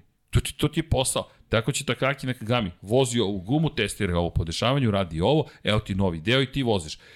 I uopšte ne traže rezultate. To si lepo rekao. Pir. Mike, tačno je, Michele Piro. Bukvalno mi imamo Michele Pira, a s druge strane, kada govorimo o Aleksu Rinsu, a to je zanimljivo, Karl Crutchlow to nikada nije dobio Lučiće Kinala Racingu. Čak nikada je pobeđivao, Karl Crutchlow nije bio u opciji da ne testira delove. Ovo je prvi put da će Lučiće Kinelo Racing doći u situaciju da ima trkača kome kaže samo se trkaj. Jer čak i Alex Marquez ima obaveze. Inače, Alex Marquez, kakva sreća, ljudi, utorak. Kakva sreća utorak kada je seo na Ducati. Radosnog li čoveka. Kakav osmeh na licu, ljudi, preobražen čovek, čovek koji jednom se nada nečemu. I pričali smo o tome, Jack Miller je sa Honda stigao na Ducati. Od čoveka koji se jedva nalazi na motociklu, do čoveka koji se na kraju bori čak u jednom momentu za titulu šampiona sveta. Tako da baš me zanima Gresini Marquez kombinacija, Alex će dakle biti tu i uz taj Ducati, znaš, dvostruki svetski šampion, pritom odvojio se od brata, najzad nije u nje potpunosti da. njegovoj senci. Čisto, eto, da ne zaboravim taj moment. Zanimljiva priča kao, ko, s kojim se susreju i NEA, znači dobiješ motocikl za koji imaš podatke, Da. I tako dalje. Ne, ne moraš da lutaš. Tako je. A nije... Jel, jel veliko je pitanje kako je lutanje ovaj, zatekao u LCR-u sa, sa Hondom koja sa svojim projektom luta. Koja luta. A onda još od njega traži neka rešenja u trenutku kad očigledno niko nije znao bilo kakve odgovore. Pri čemu on I dolazi... I onda imamo katastrofalnu sezonu Tako generalno. Je. A, a pritom on dolazi na mesto jel te Kala Kračlova, pri čemu Nikal nije imao tu dobru poslednju sezonu, a pride Pola Espargaro ga je sklonio iz Repsol Honda, Pre da ga je brat ubacio u Repsol Hondu, to nema tajni. Mark izvršio pritisak na Honda da dovede Aleksa. Prvi jedini put, verujem da je to. A onda je Mark Uh, izašao iz priče. Izašao iz priče. Prinudno, no, da. Tako je onda da. Alex koji tu sedi sa Štefanom Bradlom koji odlazi i ne može se snađe nikako. I sad, kao novi reset i mene zaista potiče na karijeru Jacka Millera, da li može da uradi to što je Jack uradio? Nemam pojma, ali njih dvojica nekako su vezani, njih dvojica su i borili se meni, za titulu Meni je Alex pre svega zanimljiv u, u toj nekoj uh, konstelaciji njegovog bistvovanja na Ducatiju, što dobijemo čoveka a, potpuno drugačiju fizionomiju od svih vozača koji su bili na Ducatiju. Živo me zanima Šta kako, će biti? kako će to moći da se ovaj, uklopi. ne znam. Još moj klubski kolega Fabio Di Antonio. Dakle, hladni Alex i vatreni Diđa koji će biti vatreni, koji mora da bude vatren. Pa, Diđa da. nema produženje Nisi karijere, ruki, pa tako pa, je. Da, da, Ukoliko druga sezona ne bude baš uspešna, neće biti tu. Dosta Italijana dolazi, ne samo to Ducati, ima kome da ponudi šta Gresinu je potrebno da ima dobre rezultate, jer koliko god da je lepa ova priča, istovremeno je to sada obaveza. Ti si imao četiri pobede prošle godine. Šta sad? Šta sad? Ko će da zameni? Evo, majice, vidi gde je. Sve kakva je stigla nova. Sve, sam, sve sam pokupao što sam mogao. Istorijske majice. Muni 72-ku se našao, nije bilo više Marinijevih. Zanimljivo, nisam našao Megastore Rosiv. Izgleda da oni prelaze na online shop u potpunosti, da, da, da će koncept biti naručujte online, sve što može. Ali tu su i dalje predstavnici drugih, naravno i njegove ekipe VR46, Suzuki sam morao da kupim, to je To je, nadam se da nijedna inspekcija iz Španije ne sluša, ili jedini šator koji nije izdavao račune. Ali dobro, da, zanimljivo. Ovako me gledaju, daj mi samo sa, sa, sa samo mi izlači sa, sa, sa, sa, jel te, post terminala. I ovako gledam, izvinite, ne, ne izdajemo račune. Rekao, pa ništa. Drugi put. Ali dobro, zanimljive priče. U svakom slučaju, inače to ne pripada Suzuki-u, to ko zna ko je uzeo štandal su prodavali su Suzuki. Rekao, dobro, ajde, valjda to tako ide, kraj je. Ali sad ova oprema, to je to, nema više, nažalost. Ali dobro. Imamo i, imamo i priveske. To, to smo isto uzeli. Ter, Martinator. Inače, jedini koji ima majice samo na bretele Martinator. Ne znam zašto, ali baš izgleda kao da u teretanu. Kako god, vratimo se ozbiljnim pričama. Da, činjenice da utorak baš bilo zabavno to vidjeti ko šta gde kako. Ne, pokušavam da ne pobegnem previše tamo, jer ovo je bio kraj sezone, ali mislim da Junkie lepo opisao situaciju kao i prošle godine. Koga briga za pobednika? U kontekstu prošle godine se Rossi opraštao, sada se slavi titula Francesca Banjaje kao ko pođe. Mislim da je važno da se zna da nas briga svakako, ali nekako kao da pobednik je opet nekako i relevantan bio u celoj priči kada pogledaš tu širu sliku koja se desila.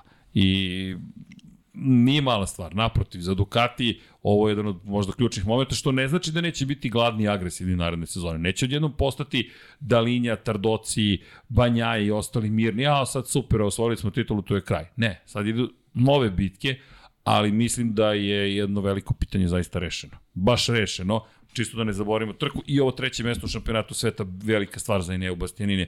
Banjak, Quartararo, Bastianini, to je poredak vodeće trojice na kraju, na kraju sezone.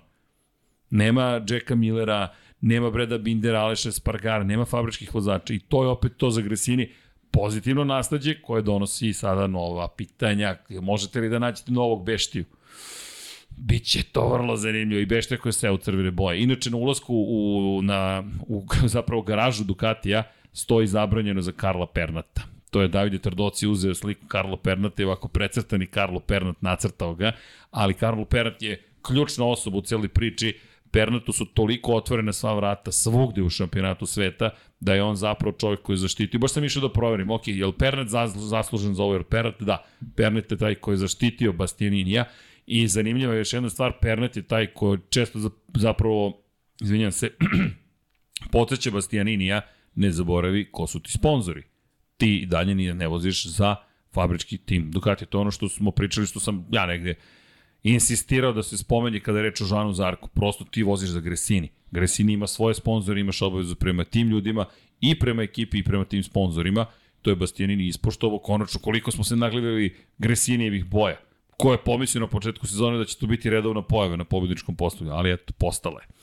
I tako. I da, Brad Binder, da ne zaboravimo čoveka na poziciji broj 2, deki, standardno nedeljno izdanje, dakle, fenomenalni Brad Binder, da ga pitaš zašto, kako, ne znamo, ali tu je. Standardno nedeljno u nestandardnim vremenskim uslovima, tako da ovo je još, još jedan plus za njega. Misterija zvana KTM. Još kad, kad bi subotu malo popravio, bilo bi, bilo bi tu svašta. Da, ali... Vidjet ćemo sad sa, sa Jackom kako će to sve da da, pa. da ispadne, da, da, da li će on doneti tu, taj neki novi kvalitet koji je potreban za, za ovaj, dobre izdanja tokom čitavog vikenda. E, inače, sad bih iskoristio priliku da, da napomenem da je KTM opet uradio nešto prilično veliko. Ne znam da li su sad, sad ovo je neka moja teorija. Ti angažaš Jacka Millera, super. Dobiješ jednog kvalitetnog vozača, nema sumnje. Dobiješ čoveka koji počeo da beleži ponovo pobede, da se bori za titulu šampiona sveta itd. itd. Dobiješ čoveka koji je prve vožnje KTM-a rekao pa po čemu se ovaj motocikl razlikuje uopšte od Ducatija, vrlo zanimljiva izjava. Hajde, nadam se da znaš šta govori. Ali dobiješ Kristijana Populina. Zašto je Kristijan Populin toliko važan? Da strano ne znam ko je pratio storiju. Jesi zadovoljan mojim storijima? Bio sam ekstremno vredan. Deki mi je rekao, Srki... Preterivao si.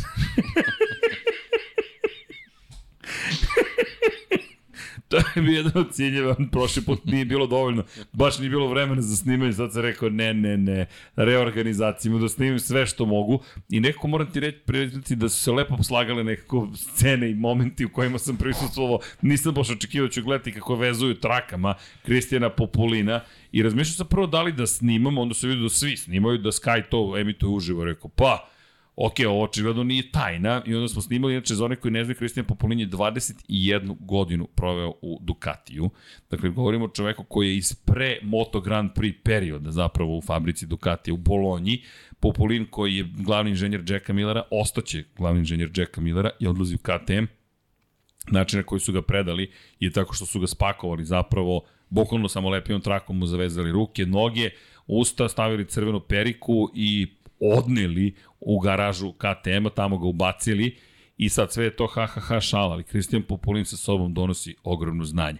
Da li znate još ko je otišao u KTM, čovek koji je bio u Gresini Racingu, za koga smo se pitali da li će biti sa Eneom Bastianinijem, Alberto Giribuola. Giribuola koji se zajedno sa Andreom Doviciozom borio protiv Marka Markeza u fabričkoj ekipi Ducatija. Mislim da je to KTM šahovski potez da se, da. da se jedan, jedan potencijalni rival ovaj, oslabi. I... Mislim da je to za Bastianinija pre svega ne mogu kažem udarac, zato što ne znamo kako, će to, kako bi to sve ispalo, ali u trenutku kada dolaziš u fa, fabričku ekipu, da ti takav čovek odlazi iz tima, Nije mala stvar. Baš, baš onako... Nije mala stvar. Za, za, za oprez. Pričali smo o Albertu da. Giriboli koliko je važan za Bastianinija i koliko je važno iskustvo Giribuole u Ducatiju, ne samo kao inženjera, već kao političke osobe. Jer Giribuola je već prisustvovao otpuštanju njegovog vozača, tretmanu u kojem Doviciozo se bori za titula, Ducati je stava baš nas briga. Bukvalno, jednostavno ne želimo da ti damo više para i to je to.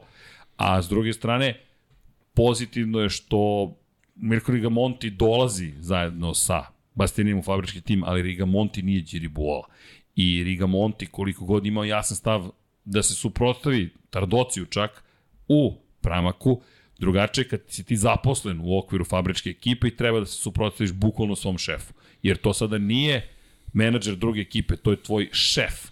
A Bola je prošao već taj ceo rodeo interne politike Ducatija i svega što se dešava i mogao je da bude veliki plus zapravo za Neo Bastianini koji ne dolazi uopšte u prijateljsku atmosferu. Odmah da se razumemo. Eneo tamo ne dočekuju sa crvenim tepihom. Sve je lepo nasmeno, Tardoci je iz moje perspektive kao potez podrške stajao u garaži koja pripada Bastianiniju tokom testiranja i ponašao se kao da je sve uobičajeno. Ali sama činjenica da si ti štampao nalepnicu, haha, precrtani Karlo Pernat i to zalepio, ti je već poruka.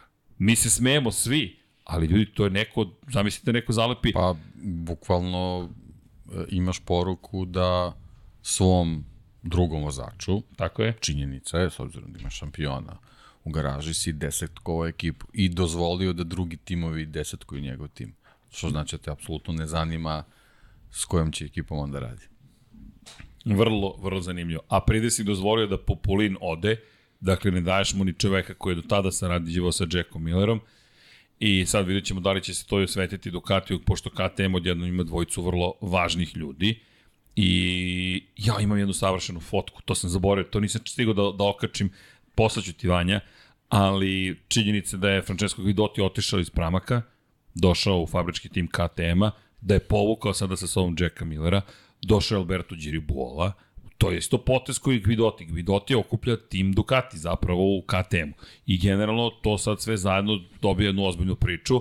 Inače, Dani Pedrosa je ponovo bio prisutan u garaži na kraju utorak. Inače, Dani Pedrosa, Ljudi, njemu ako ne izgrade spomenik u Austriji ništa, nikome neće. Nema inženjera, šefa ekipe, predstavnika KTM-a, koji kada spomeneš Dani Pedrosa, ne počne da govori, ne, sam, ne, ne hvalospeve, obožavaju ga. Dakle, Dani, da dođe u, u majici na kratke rukave beloj, bez jednog sponzorstva na sebi, ja mislim da može da uđe gde god hoće u KTM. Taj čovjek im je bukvalno napravio motocikl. Bukvalno to je stav koji svi zajedno tamo imaju. Spomeneš Danija, Dani. Dani. Samo to kunu se u Danija Pedrosu. I sviđa mi se što imaju takav stav i Dani koji zaista im našao svoje mesto pod suncem. Pripada, zaista pripada. I, i neverovatno je da više pripada KTM-u nego Hondi.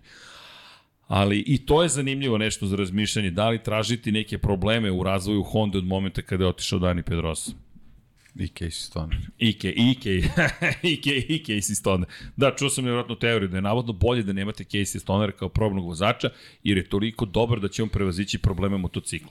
I rekao sam, ne, ljudi, to je besmislica, par excellence besmislica, radije ću da imam Casey Stonera nego nekoga ko ne zna da vozi motocikl na adekvatan način, pa da, on će da možda prevaziđe probleme, ali će ti reći šta je prevazišao, tako da, da, ne, nećemo, nećemo na tu, na tu stranu, ali, ali eto, to su sve događanja nekako iz Valencije, KTM koja je to dobio Jacka Millera, mnogo pompe oko Jacka Millera. Svi smo hteli da vidimo taj prvi izlazak Jacka Millera na stazu, inače Jack, Jack se, Jel, Jack je u klasičnom svom raspoloženju. Zabrana, inače, brzine kretanja u pit lane-u je 60 km na čas.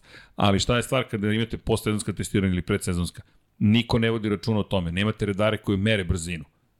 Jack Miller koji, da bi se našalio, haha, prvo fotoreporter koji stoji u pit lane-u da ga fotografiš i Jack Miller koji daje pun gas i proleće pored čoveka. I obojica ovako, ja stavio sam 3 metra dalje ovako. Okej. Okay jer to je haha dobra šala. Rekao, Jack, to je samo tebi izgledalo kao dobra šala. Bukvalno verujem i deki, gledam čoveka koji ne pali, ne pali pit lane limiter i daje pun gas i samo pomislim, ovako je nekad izgledalo u pit lane-u. I ne samo ovde, nego i u Formuli 1. Ljudi, da se smrznete od straha. Bukvalno, uvek se osjećam bezbedno u pit lane-u. Ograničenje, čuju se sirene, mehaničari, neko će te skloniti puno ljudi iz Dorne odavde odande i Jack Miller koji pošto dolazi nama, ide ka nama, ja sam uz vrata garaže, ovde pored bele linije je gospodin koji se spustio da čučnu da ga fotografiše, da ima dobru fotku i Miller pum, pum gas kroz pitanje, pum, pum, pum i ovako. Okej. Okay. ne, ne više molim te, ti prilike, ali to su stvari koje se dešavaju. Tako da Jack Miller vrlo raspoložen i eto, držimo mu palčeve. U ovoj trci, kada reč o Jacku, pa nismo ga praktično ni videli. Dakle, nažalost, šta da kažemo, Jack koji opet nije stigao do cilja. Još jedna trka koja je tako nekako završena neromantično. To bi bilo dobro da promeni.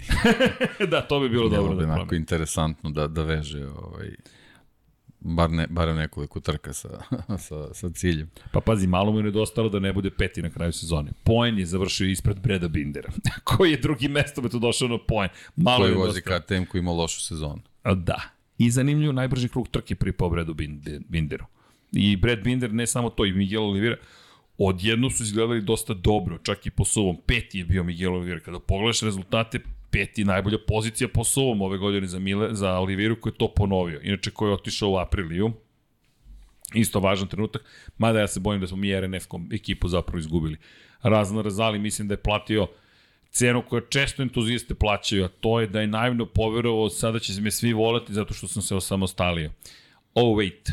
Prvo ćemo ti oduzeti korporativno sponzorstvo, onda ćemo ti reći da više nisi Treba tu. Treba da sedne sa Ponšaralom da popričamo. Tako je. RV Ponšaral da. kako osetio kako to izgleda. Zašto to govorimo? Pa Raznar Zali jeste ljubitelj motociklizma, ali on dolazi iz pozicije toga da je direktor Sepang staze i istovremeno čovek koji je jedan od vodećih u Petronasu. U momentu kada se osamostalio, prvo što izgubio, prvo izgubio poziciju u Sepang stazi, mora da se odrekne te pozicije, zatim mu je Petronas rekao, ne, nema više tog sponzorstva kom računao i sada je morao većinski deo svoje ekipe da proda Data kompaniji. Ja nemam pojma da li će ti ljudi zaista voliti trkanje koliko voli on, ali nadam se eto da će to biti neki spas, mada mi deluje zaista da je da je zapravo taj tim trenutno u limbu i da čekamo prvog sledećeg novog vlasnika ili da će on da otkupi nazad svoju ekipu, ali, ali trenutno RNF, koliko god sve to bilo nasmejano, bojim se da nije baš osnova, to je postavka stvari onako kako treba da bude. Nadija Padovani tu pokazala koliko je ona velika i svaka je čast. Dakle, da ona uspe da zadrži ekipu na okupu i da dođe do toga da pobeđuju, baš, baš jedan veliki uspeh. I, i, i za mene Nadija Padovani treba da dobije neku medalju za prethodnu sezonu uskočiti u čizme jednog Fausta Gresinija i odvesti tim na još viši nivo, baš teško. Ali, ali ok. U svakom slučaju Oliveira otišao, u aprili otišao i Raul Fernandez koji je isto bio prilično srećan, ali nekako kraj sezone uvek kada gledam trke, osim ako je baš bitka za titulu, kao da, da, da je sve nešto, mikro priče postoje, Rinsova za mene je apsolutno najveća, ljudi oni su toliko bili veseli da, da, da je to zaista, zaista bilo Vanja, možemo da iskoristimo priliku. To, ja, video, Sad, ne zamerite, ima čao svima na početku. Uf, ma, malo je pobegao vidio. Sad ćemo to da namestimo, ali ne brinite, ovo je Alex Rins koji deli šampanjec gde stigne. To Vanja.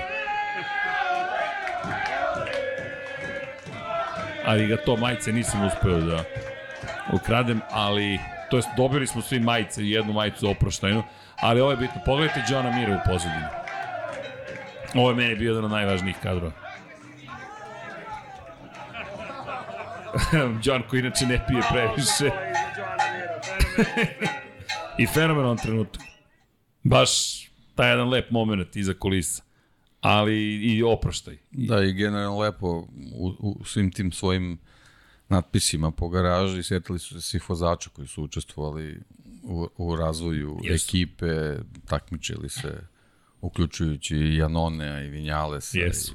i Aleša, i stvarno ovaj, onako, to je, to je onako bio on, on, onaj, onaj deo te, te japanske kulture gde su stvarno pažljivi prema svima i lepo izgleda kad se sve, setiš svih njih i svi se nađu na tim natpisima, baš onako dirljivo. lepo i dirljivo. Da. Dirljivo, da, baš da. je bilo dirljivo. Inače, ljudi koji rade u Suzuki-u, većina nema angažman. Dakle... Znaš kako je lepo i dirljivo pričamo u Suzuki, kako smo oštri prema Ducatiju. pa vidi, da, da, Šta li to govori? Čekaj, to je sad posebna analiza, zaslužuje posebno. Ali dobro, kritikovali smo mi Suzuki. Kritikovali smo Suzuki, sad se opraštamo, sad već znamo da nema nazad, nažalost. Ali, kada pogledaš, baš smo pričali za Saharu i za ostale, to je kraj jednog puta. I da, sad nećemo jednom plakati, ali A da, činjenica da je... pogledaš koliko je to kratko trajalo, to je zaista bilo uspešno. Jeste. Realno. I sa samo dva motocikla. Tako je. Znaš, ti nisi imao jednog momenta četiri motocikla, čak ni starije modele nisi ti prodavao ili iznemljivao nekome, nego si konstantno radio samo u okviru ekipe. Sad, da, sad mi je palo na pamet, pa, pa na pamet pričam, ali ovaj, poslednjih 5-6 sezona, a, kad podvužeš crtu ovaj, svih dešavanja, nisu oni mnogo loši od Ducatije bili. Nisu. Nisu, pogotovo nekad uzmeš obzir koliko zapravo je uloženo, je. koliko ljudi radilo na tome, šta se sve tu događalo. Zaista nisu. I kritike su više upućene, makar s moje strane, u to što je želja zapravo da vidimo Suzuki kako uspeva. Čak u jednom momentu ta cela priča da bi, pa čak i Dani Pedrosa mogao da dođe kod njih kao vozač i postojala kao opcija u jednom momentu. Nije bila velika, ali se pričalo da postoji neki razgovor, I još jedna bitna stvar u celoj toj priči, ne toliko vezano za samog vozača, ali koncept toga da bi sa Valentinom Rosijem mogli da uspostave saradnju, da Rosijev tim koristi Suzuki je, za mene u trenutku to je bilo, wow, znam da je to gotovo nemoguće zbog veze Rosija sa Audijem, sa Ducatijem koji su dobili sa Yamahom, ali samo razmišljam, zamisli taj moment, vozio si za Honda svoju titulu, vozio si za Yamaha svoju titulu, vozio za Ducati, nije u svoju titulu, ali opet ima saradnju, italijani su i odeš u Suzuki, kažeš aj sa VR46 Suzuki ekipa. To bi baš bilo bizarno, ali mislim da ako bi nekom pošao za ruku da sve to organizuje, da bi to i dalje bio Valentino Rossi. Ali tražim još neke ovde fotografije, ima jedna koju sam baš htio da pokažem, koja je meni makar fenomenalna. Vanja, poslaću ti ovo, mislim da je, da je savršen opis zapravo da, toga kakav status uživa u KTM-u Dani Pedrosa, poslao sam ti na Slack, ali kada govorimo, eto, da, o, o, o sentimentalnosti, većina ljudi Suzuki nema angažman, prosto nemate mesta. Nemate gde s tim ljudima jednostavno neki od njih su našli angažman, dakle Karčedi je našao angažovanje, kada pričamo o, o ostalima, ide, Kazo ide u ekipu Kresinija kod Fabio Diđan Antonija, zapravo Karčedi, izvinjam se, ide kod Diđan Antonija, imate situaciju u kojoj, eto, Diđa dobija i GP22 i dobija nekog iz Suzuki, ali većina ljudi nije imala gde, tako da pratit ćemo naravno dalju karijeru, vidjet ćemo da li će negde neko izroniti od njih i naravno da li će se oživljavati taj projekat, mada je zaista prvi put da razmišljamo o tome da da uz promene koje nam dolaze i to smo spomenuli. Da, ali znaš, generalno taj teško. japanski, de, uh, italijanski deo garaže će se verovatno ovaj, pojaviti u nekim, Nek, nekim šampionatima, je. ali generalno Japanci teško, mislim da da je on, oni su bili onako nekako zatvoren sistem i mislim da su oni tu, tu završili ovaj, tu Moto Grand Prix karijeru do, do eto, možda nekog mogućeg povratka Suzuki. Da, to je To je gotovo izvesno, oni ljudi su ovde. Evo ovo je, pogledaj ovo. Pogledaj kadar. Dani Pedrosa, isti stav imaju, ja sam ovo morao da fotografišem, jednostavno mi je suviše delovala moćna fotografija uslovno je rečeno omalni Dani Pedrosa je ispred njega. Malo nedostaje da onaj konzerva frižider. Bude veći, da, da. bukvalno. Ali pogledaj ti zaštitu koju on ima i znaju jedan i drugi kako ih fotografiše, ali stav je bio suviše, je bilo dobar, dobar kadar. Kao što ti rekao, malo sam preterivao sa fotografisanjem i snimcima, ali ovi mi je bio fenomenalan. I Mihajlić koji je ogroman, dakle, koji stoji kao zaštita. Ok, šta hoćeš? ali znam, naravno, svi smo tu tokom testiranja, tako da je to očekivano da se fotografiše. Inače, naivno su, to ćemo analizirati sledeće nedelje, možemo da iskoristimo priliku, ali u garaži Takaki na Kagami su ostavili Hondu na izvolti za 2023. jer ta Honda treba bude, to je zanimljiv moment bio. Kod Marka Markeza je bila ta Honda. U jednom momentu ta Honda samo je izvezena ručno iz garaže Marka Markeza i prebačena u garažu Takaki na Kagami na dalje testiranje. To je bilo to. I rekao, ok, idem do takak, takine garaže, nema nikoga. Otvorena vrata, stoji Honda. Rekao, ok, ovo je taj trenutak nepažnje kada fotografišeš sve što možeš. Da, ali dobro, dobro, da ne ulazim opet u tu priču, kažem, i ne zamerite, malo sam ja možda euforičan, ali nekako kraj sezone, uvijek je uvijek je posebna priča, pa i to gala večer. Pa si rekao ovo sa Dornu, Bukvalno je sve isto kao i pre 15 godina. Bukvalno, prvi put smo bili 2011 ili 12, tako nešto, ne mogu da se setim, ali kada je reč o, i o prenosu gala večeri i gledaš i kažeš, čekaj, bukvalno je sve bukvalno isto, rekao, ljudi morate se pomeriti, mada, mada, hteo sam da spomenem Marka Beceki, iako nije bila spektakularna trka, najbolji Novajne godine, ljudi, ta scena, ta scena, taj moment kada Paolo Simoncelli zagrli Marka Becekija, ne njegovog Marka, ali Marka koji tako podsjeća na njegovog sina, verujte svi, ja ne znam kome nije knedla bila u grlu u tom trenutku. Jednostavno, gledate trenutak, inače tradicionalno već otac Marka Simončelija, Paolo Simončeli dodeljuje, dodeljuju Novajli i godine trofej na kraju sezone i u tom trenutku prisustuješ nečemu i kažeš sebi, ok, ovo je ovo je, ovo je već od bilo čega drugog. Dakle, jednostavno, to je taj, kada pričamo o sentimentu, sentimentalni moment, jer tog momka smo izgubili i, i prosto videti njih dvojicu zajedno na, na bini, meni je to bio jedan od najlepših trenutaka. Vanja, šaljem ti i to, zato što to hoću da iskoristimo. Nisam sve uspeo da stavim ili neke stvari nisam ni planirao da stavljam na, na društvene mreže. Ovako u okviru emisije malo drugačije, intimnije je, ali to je zaista bio pravi trenutak. Jednostavno, Paolo Simoncelli nastavlja da se trka, Sić 58 ekipa nastavlja da postoji u Moto3 klasi, međutim on je zaista neka vrsta oca svim vozačima i ima taj stav zaštitnički i svi znaju da, da jednostavno je reč o čoveku koji, koji uz gubitak sina koji je proživeo neko koji ih malo drugačije posmatra u odnosu na, na, na, na ostale i nikad neće biti klasičan šef ekipe. Pitanje je da li će ikada biti dovoljno profesionalan. Jednostavno njegova misija je nešto drugo. Evo ga taj trenutak. Pogledajte vi ovo. Dakle, stoji Marko Beceki i tu je Paolo Simoncelli. Meni je nevratna scena, kao još izgovara Marko Beceki, ali ovo sam morao da, da fotografišem. To je taj, iz velike daljine, ne zamerite, nije dovoljno oštro, ali nije to ni bitno. Bitno je da su njih dvojica to i zaista skromno izgledao Marko Beceki. Baš, baš romantično i na, u zagradi su napustili binu, tako da eto, to su, to su te neki trenuci, emocije su najvažnije. Pa ne zamerite ukoliko nas malo nose. Da, Remy Gardner inče otišao iz kategorije kao i Derin Binder, Derin koji nije osvojio poene, osvojio poene Remi, na kraju 13 bodova, to je 13. pozicija, pristojna, izvini, deki, 12 poena na kraju sezone i Remi koji kao šampion Moto2 klase nije mnogo toga postigao, nije dobio pravu šansu, ja bih rekao. Gas Gas postaje Tech 3, ali odlazi naredne godine u Superbike, pa eto vidit ćemo šta će se dešavati. Gas Gas odlično izgleda inače. Gas Gas izgleda baš dobro uživo, mogu reći. Pole Spargaro opet jedno nasmejano lice. Kao da Biće posle... lepi šareni. da, da, da. Crvenkasti. Da, ali već drugačije izgleda da ti sada kada pogledaš motocikle Tech 3, da li vidiš razliku u odnosu na, na, na, na KTM-ove fabričke? Jednostavno, stopljeni su ovako dobiju neku novu vrstu identiteta. E da imate i veliki pozdrav od Lukasa Tulovića. To mi je super bio moment.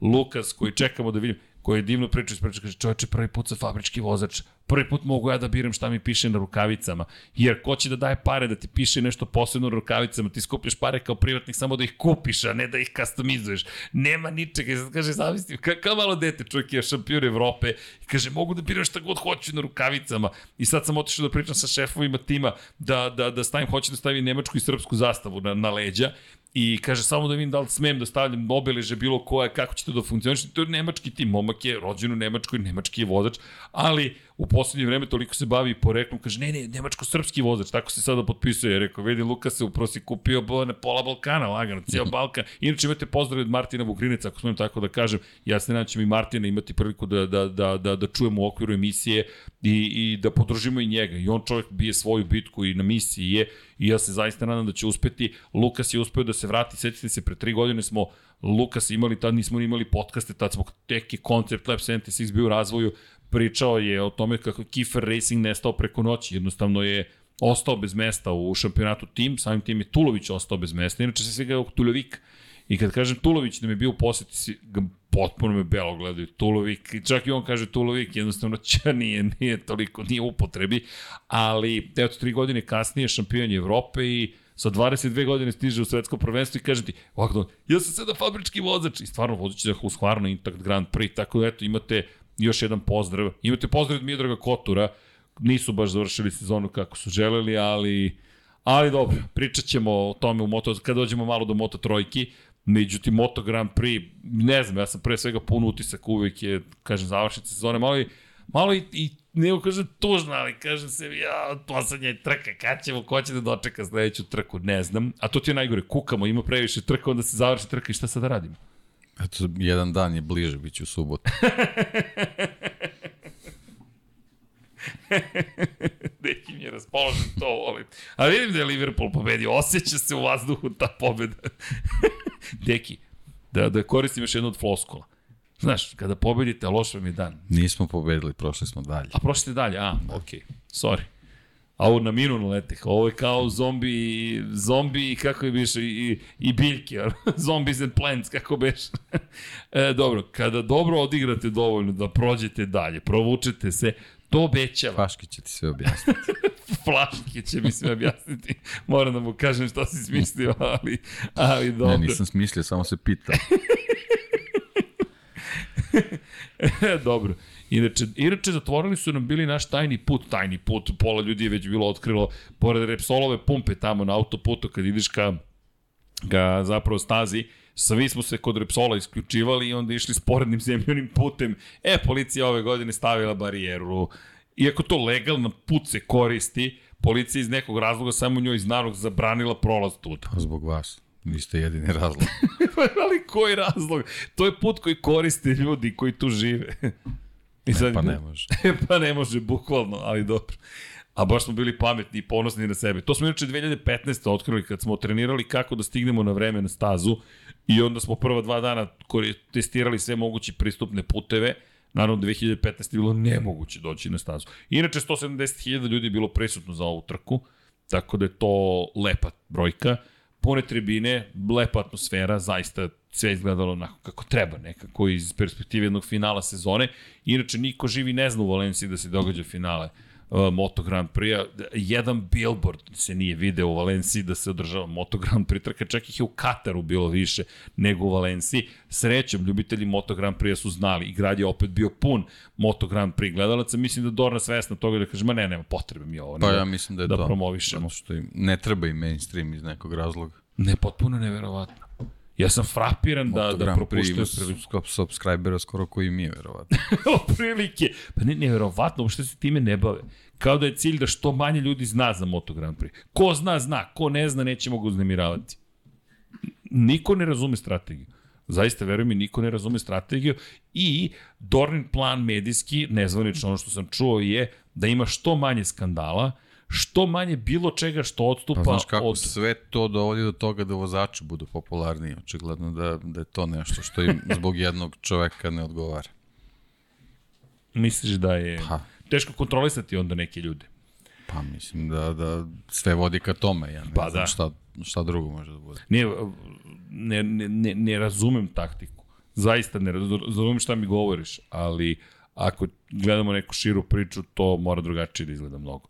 I uopšte ne znam kako planiraju da popularizuju. Mislim da nisi taj koji će da ih ubedi. ne, to budi siguran da nisam. Budi 100% siguran Njima da je važno sledeće godine Ducatima ekspanziju, da će Ducati to da izreklamira kako treba i to je to. Da, ti zapravo očekuješ da. na tome. Da očekuješ od onih koji zapravo se takmiče da urade tvoj deo posla. Da, to nije, to, to je Rossi radio, ali su sada bez Rosija i to da. je... Pa, sad imaju Ducati. Da, Rossi se pojavio inače na stazi i to isto bilo simpatično gledati neki od kolega koji su prvi put tu i pitaju, hoće biti Rossi, hoću autogram, rekao, ili nije običaj da mi uzimamo autogram ili da se fotkamo sa vozačima. To sam baš pričao u podcastu Formula Ja, pa znam, ali Rossi je tu. Ja kažem, ne, okej, okay, vidi ako ga nađeš. Mislim, tako li kažem, pitaj čoveka.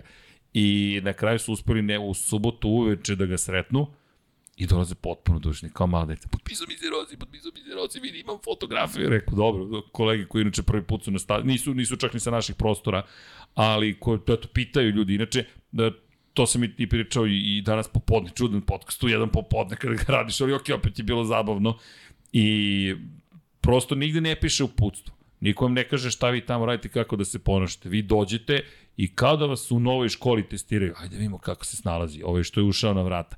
Verujte, ako vam neko pomogne, kao što meni pomogao moj dragi prijatelj i kolega Dejan Potkonjak, napredujete. Jer ja nisam znao, dođeš, imate stolove, neke, neke stolove u medijskom centru i vidiš, sve su popunjeni imenima i prezimenima. Kao, uje, kako se dobiju stolovi, moram da saznam.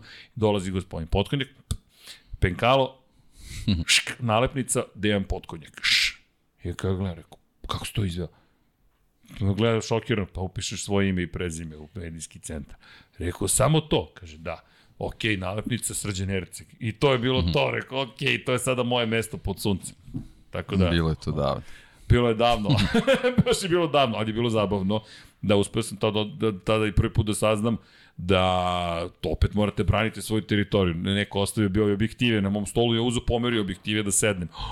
Haos kreće. Da, vi što dolazite povremeno na trke i tako dalje. Onda kad vidim te ljudi koji dolaze prvi put ili povremeno, trudim se da im pomognem. Dajte ljudi, ne moraju, ne moraju da se pate, dajte da im objasnim. Ovde ti je ovo, ovde ti je ovo, ovde ti je ovo. I onda kad su me pitali za Rosiju, pa rekao, vidi, ako ga nahvataš, okej. Okay. Koja je to sreća bila što su ga nahvatili? Pri čemu su mi pričali, znaš šta je uradio? On odlazi i mi sad glupo nam da ipak ne trebamo. I mi, vale, vale, vale, može ipak potpis. I onda se čovjek vratio da im se potpiše potpuno oduševljenje. Ali opet, ko je pravi profesionalac? Valentino Rossi. Ko još jedan pravi profesionalac? Če, hoću Instagram fotku da staviš. Yes, deki. Čekaj. A? Reci. Tegre, gre, gre, gre. Imamo Markezovu knjigu, imamo Rosijevu knjigu, gde mi je Rosijeva knjiga. E, a tu je. Dakle, to su ti šampioni. Čekaj. Pa ko voli da čita Valentino Rosiju, ko voli Marko Markezu, shop.infinitylighthouse.com, knjige su tu, vama na raspolaganje i mi smo potpuno oduševljeni I baš sam pričao Hektoru sam odno njegovom predstavniku za medije, zapravo knjigu, pošto sam obećao čoveku, rekao, doneću ti kad je budemo objavili. I sticam okolnosti, odem do garaže, kažem mi u hospitality, rekao, odem do domaćinstva, kažu, e, vidi, bit će tu za 15 minuta, Mark ima redovnu konferenciju, rekao, važi, doći ću inako za konferenciju, došao na konferenciju, završava se, i pošto smo bili pozadi, pošto prvi deo konferencije na engleskom, pa ide na španskom, stojimo pozadi i nalazi Hektor, rekao, Hektor, da ti dam knjigu.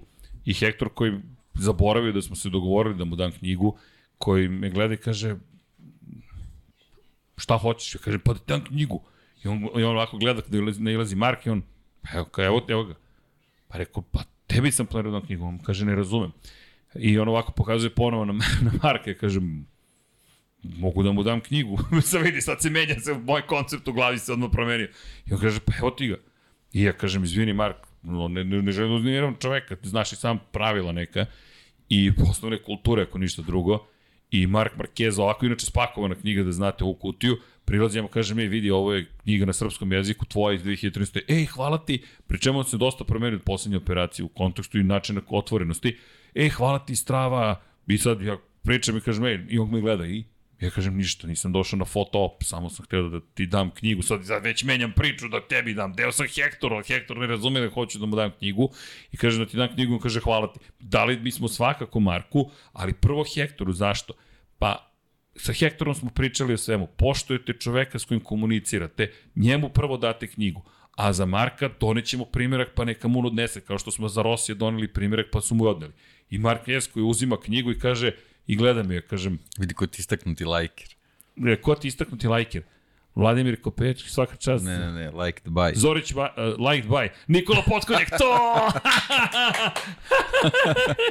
da smo namestili ne bi moglo bolje. Nameštao sve, sve si namestio. Ko je taj nije? Sve sam namestio, kupujem na emocije. je sjajno. I u svakom slučaju, i u celoj priči, i kaže ti dajem knjigu čoveku i on koji, koji ovako gleda me i šta sad? Rekao, ništa, samo sam ti dao knjigu, nisam došao na fotkanje. I on stoji i gleda me. I pošto su oni stvarno, zaista takvi profesionalci, i ja kažem, i ovako pogledam Marka, pa rekao, pa, jel bih mogao da te ipak fotografišem ako ti ne smeta.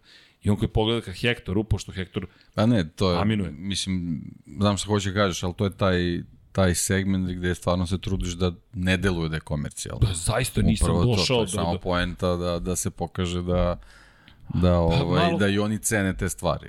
Tako Upravo je. iz tog razloga, zato što je, eto, to je njemu sitnica, ali, ali mora da se vodi računa da da im se ne zalazi u te komercijalne sfere. Je, vidim. I, I oni su stvarno oprezni oko, oko pa svega da, toga. I, i, ali... i ja zaista nisam došao da. čoveku da dajem knjigu na taj način, pogotovo što obično pomisle da im tražiš nešto.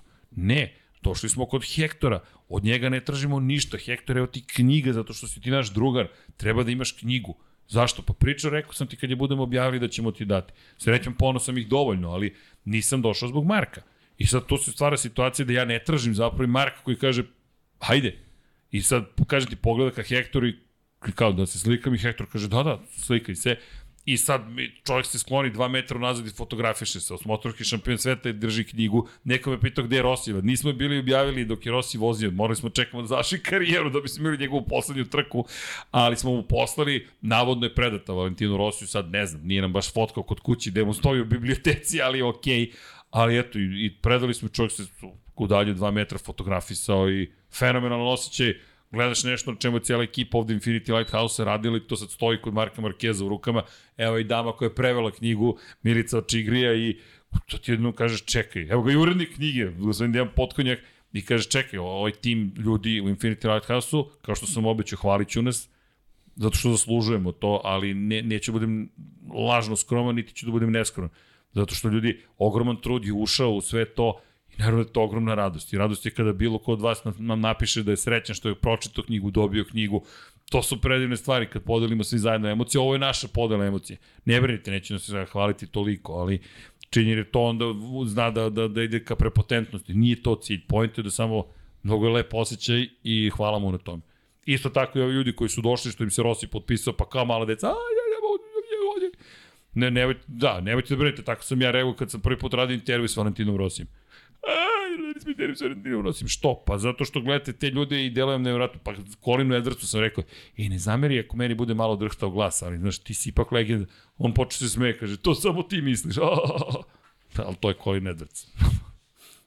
Za one koji ne znaju dvostruki šampion sveta u Superbajku. Popularni teksaški tornado i tako. Elem, činjenica da je to bio, bio uzbudljiv vikend generalno u Valenciji, ne znam da li, da li bi trebalo više da analiziramo neke stvari, ali John Mir je seo na Hondu, to bih volao da dodam i mislim da je to mnogo bitno.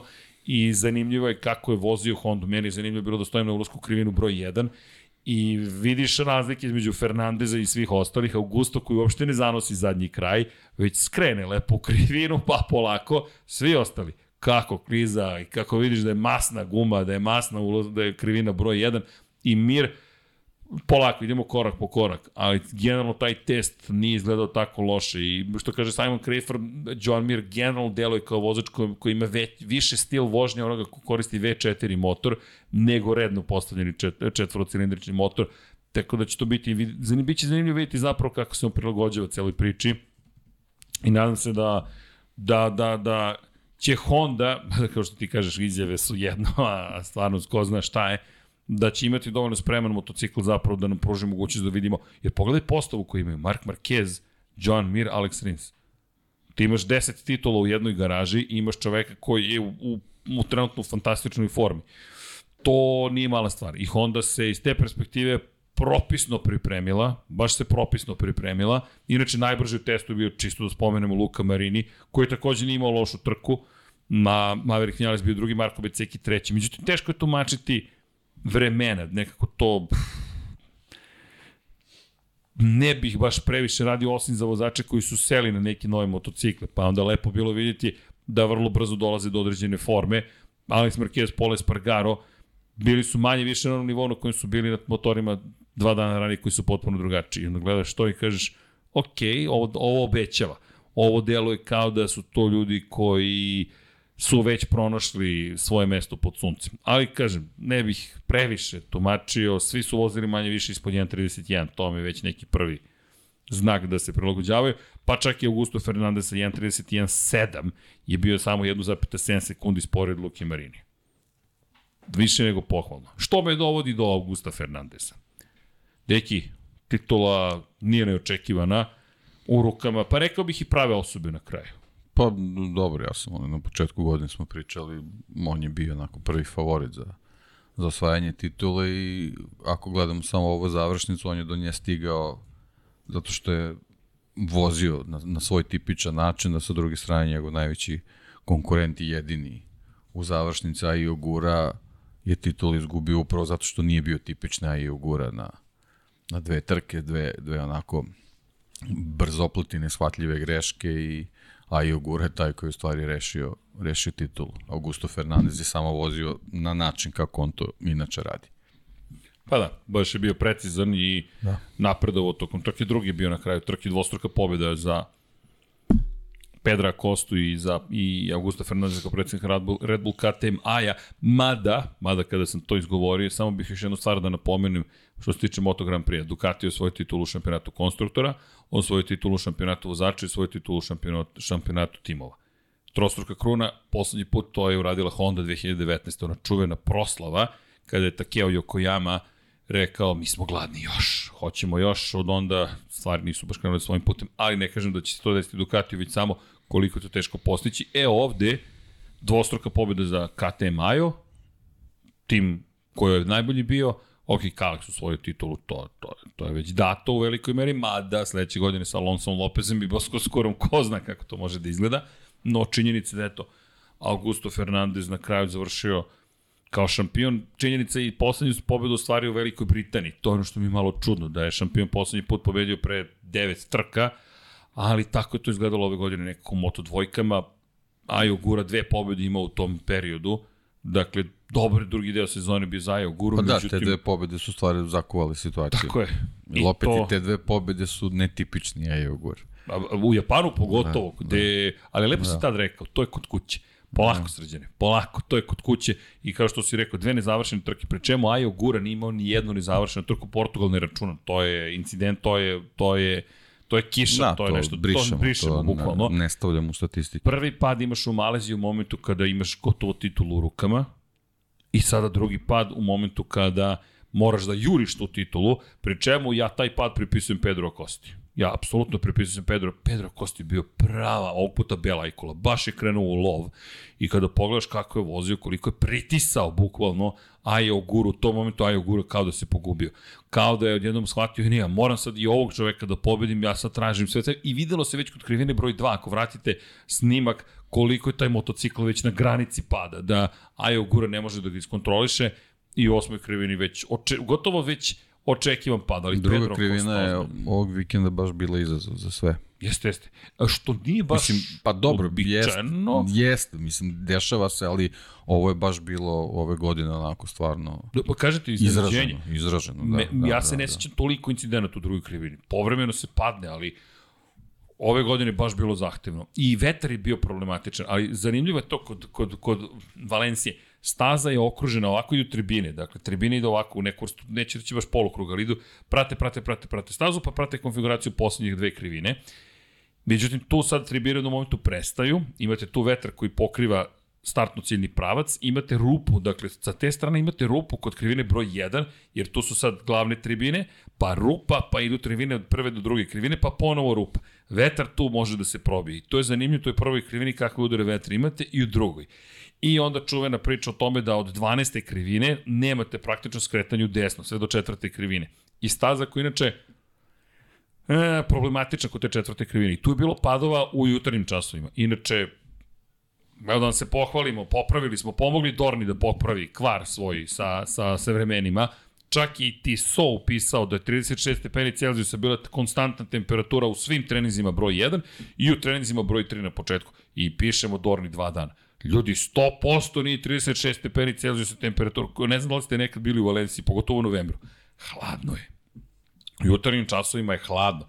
Dok sija sunce, okej. Kad čim zađe sunce, hladno je i vlažno je. Prosto raste vlažnost vazduha, nema šanse da bude 36 stepeni Celzijusa. I tu su padali kada su hladne gume. Vetar je pomagao da se pada, međutim u krivini broj 2 i baš se lepo rekao izazovno. Baš je bilo teško, uopšte nisu bile toliko jednostavne trke. A četvrta krivina je zahtevna jer si ti opterećen na prednji kraj. To je Simon Krafer lepo opisao. Prednji kraj ti taj koji te celog drži. Zadnja guma ti ništa tu ne pomaže. A to, to nisam znao, to mi je otkrio sada da zapravo Ducati je u tim situacijama dosta, to mi je sad zaključak na osnovu njegovih reči, ranjiv zašto? Pri tim udarima vetra često znaju da zadnji kraj zapravo nije konstantno spušten dole, a Ducati je najbolji kod kočenja, kod kočenja zadnjim krajem zapravo, jer kočenje motorom su doveli do savršenstva. Elektronika ozbiljnu ulogu tu igra. Elem, u moto dvojkama, kao što je rekao, baš izazov i sad izazov za Oguru i Ogura koji napušta stazu i to je bilo to. U tom momentu titula je osvojena, izvanično, samo je trebalo samo da završi da, s tim što je indikativno što je njegov timski kolega praktično identičan na način. U osmoj krivini. da. Na isto mesto. Da. I to smo se svi pitali, znam da mi je par ljudi pisalo, srđan je pao na isto mesto Čantra. Da. Somket Čantra isto u osmoj krivini izletao sa staze. Da. Bilo je čudno dva pada. Da, moguće da nešto ima i do setapa tu, ali... Nisam proverao. Da, priznam. ne znam gde bismo mogli to da proverimo, ali baš sad razmišljam o tome, ali moguće da, da, da ima i, i nečega i u tome. I, Mislim, dobro, to bi on trebalo povući da su ono stvarno i stilovi vožnje identični, ali moguće da ima nešto i, i, i u tome. Ali u svakom slučaju do cilja dosta vozača i to vodećih nije stiglo. Aron Kanes nije stigao do cilja. U celoj priči kada pogledaš, Celestino Vijeti nastaje, ljudi, ja moram da pročitam ovu statistiku. Dakle, broj padova za Celestina Vijetija. 1, 2, 3, 4, 5, 6, 7, 8, 9. Mi imamo 9 padova u trkama za Celestina Vijeti ove sezone. Mi pričamo o kalendaru koji ima 20 trka. On je pao, dakle, 45% trka nije stigao do cilja. I ne govorimo o Portugalu. Portugalu je bio, zahvaljujući padovima drugih, zapravo je uspeo da dođe do druge pozicije. Mi govorimo ovde o čoveku koji je stalno pada u drugom delu sezone.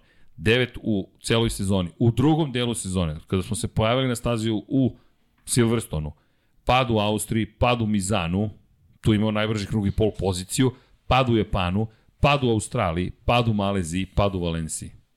Katastrofa od kraja sezone. Ja se iskreno nadam da može da se oporavi. Celestino na kraju završi na poziciji 7. Čovek koji je trebalo da se bori za titulu šampiona sveta, blagorečeno katastrofa blagorečan na kraju, samo zahvaljujući još jednom padu osvajača pol pozicije Alonso Lopeza, nije ostao i bez te pozicije. Pa taj Portugal u principu već bio katastrofa i tu je već bila neka indikacija da to neće baš da bude dobro. Kažem, ta, kao što si pročitao, to, to drugo mesto nije uopšte relevantna pozicija, on je bio jako loše plasiran tu i tu je bila neka naznaka da nešto tog trenutka već nije u redu. Ne znam, šokiran sam bio kada da taj pad nekako kao da je dokusurio celu sezonu, razmišljaš, wow, čak i poslednja trka godine će se ovako završiti. Pa nekako i što se njega tiče Kanea, ovaj, ti padovi su stvari pokazali o čemu se radi. Da, da ta, ta, ta sezona uh, ne može da se, da se osloni samo na nekoliko dobrih rezultata, nego i u moto, u moto dvojkama moraš da budeš više nego konstantan da bi mogao da računaš na, na neki viši plasman na kraju sezoni i da bukvalno dobri rezultati u prvih nekoliko trka apsolutno ne moraju ništa znači da apsolutno ništa ne pokazuje. Ali pogledaj taj drugi deo posebno, sad da, da nastavimo priču da. kad odamo ovaj, 23. tek će da bude izazovno sledeće godine. Vidi, danas smo Paja pričali o sprintovima u, u Brazilu, spominjali smo tvoj nickname, Žakare Pagua. Da, i činjenica da sprint trke u Formuli 1, Max ih je upisao, kaže sprint kvalifikacije, ja kažem sprint kvalifikacije, ne brini da znaš, ali kad citiram kaže čovjek sprint trka. I svetski šampion je rekao za mene to trka koja nije trka, zato što je moj glavni zadatak i ekipa od mene traži sledeće. Nemoj da se slupaš i završi među vodećom trojicom. Za mene to nije trka. To nije filozofija Formule 1. To nije filozofija, tako je. Trk, to, to, to, to, to su trke izdržljivosti eventualno, ali, ali ljudi, to je potpuno pogrešena filozofija. Ali odmah, i to je pa isto spomenuo, mi pada na pamet upravo to, čoveče, ti sledeće godine imaš trku u motociklizmu koja je još opasnija. Dakle, ti šta, šta je cilj će biti u subotu u sprintu? Koji je rizik? Ogroman je rizik. I ono što je, što je sad dodatni problem u motociklizmu, čak rezultat u sprint trci ne definiše startni poredak za glavnu trku. Ne, ne, bukvalno su dve trke. Dve trke. Dve, Baš. dve, dve trke gde opet najrednji deo čitave priče su vozači. I, i te dovodiš ih u, u baš veliku opasnost. Ali dobro, to je, najde vidjet ćemo sledeće godine. Ali u svakom slučaju Celestino Vijeti od devet trka u drugom delu sezone, samo tri je završio. Samo tri je završio. Jednom je bio šesti, dva puta je bio deseti. I bilo je par momenta tih naznaka, evo ga Vijeti, najbrži krug u Austriji. Usavršio je koncept Sema Lowe's. Apsolutno. Podigao je na viši nivo. Od Sema se nismo ni oprostili. Od Sema se nismo ni oprostili. Sem koji je zapravo svoje mesto ustupio Seni Agiusu. Sena Agius je čovjek koji sada u, u Mark VDS Racingu. Sam Lowe's nestao je. On je bukvalno nestao, kao Celestino Vijeti. Ne znam, kao da mi je imam utisak kao da ne znam, kao da se nikada nije ni, ni, ni bavio ovim. Ne znam, baš, ba, baš, baš težak pad za Sema Lowe's u svakom smislu te reči ove godine. Ali dobro, da, da, da, da, da, da se ne držimo od prošlosti, ali da pričamo i o budućnosti. I budućnosti. Ali čekaj, moram nešto da, da, da proverim s tobom. O, Alonso Lopez. Ja u životu nisam vidio onu odbranu poziciji. Ja, ja i sada nemam odgovor na logičan odgovor da ti da... Bug neki. Ba, bukvalno, ako gledam, je...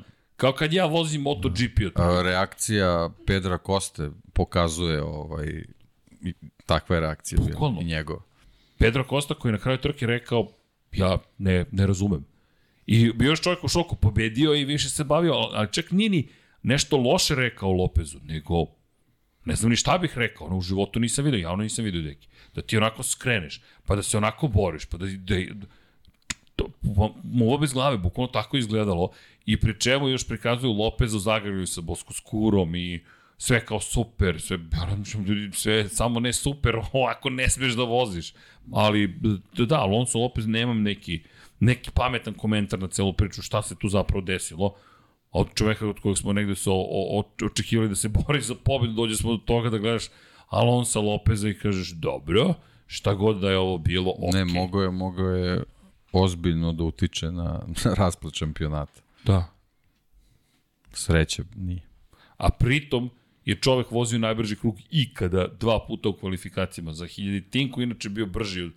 Nevjerojatno, Hiljetinku samo brži bio od, od, od Pedra Koste koji je bio, vidi se, spreman da završi sezonu pobedom i mislim da je ovo... Da, bilo mu jako važno da, da, da to uradi, jer, mislim, generalno njegova sezona je mogla da bude ok, stvarno da, da, da pokaže sa, taj sav raskošni talent koji je donao iz Moto3, ali eto i ta nesrećna pobeda i možda nekoliko loših plasmana koje, koji su se onako iznuđeno desili su malo pokvarili tu čitavu priču. Mislim da mu je jako važno bilo da, da završi godinu na, na pravi način zbog priprema za sledeću, gde dobije svoj broj nazad i tako dalje. Tako 37. Da. šampionska 37. Da, da, da, E, to je zanimljivo. Šampion da. odlazi, a njegov broj njegov ostaje broj u ostati, kategoriji. Da, da, da. da li ćemo imati prvi put možda u istoriji da vozači se istim brojem osvoje titulu?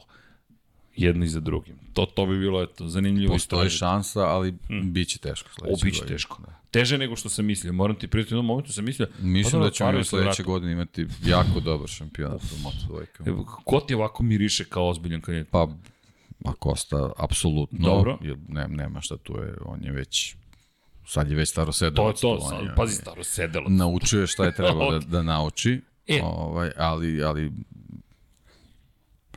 ne znam, ne, ne, ne, ne bih smeo u ovom trenutku. Ok, ok, da, ja ću da, da spomenem da. par imena, ali pre nego što ih spomenem, samo da napomenem kada smo pričali sa ljudima iz AJO ekipe, oduševljeni su napretkom koji se dešava iza kulisa. I rekli su, verujte, od Monkas koji je vozio prvu trku u Moto2, nestrpljivog momka do čoveka koji može da kontroliše svoje emocije.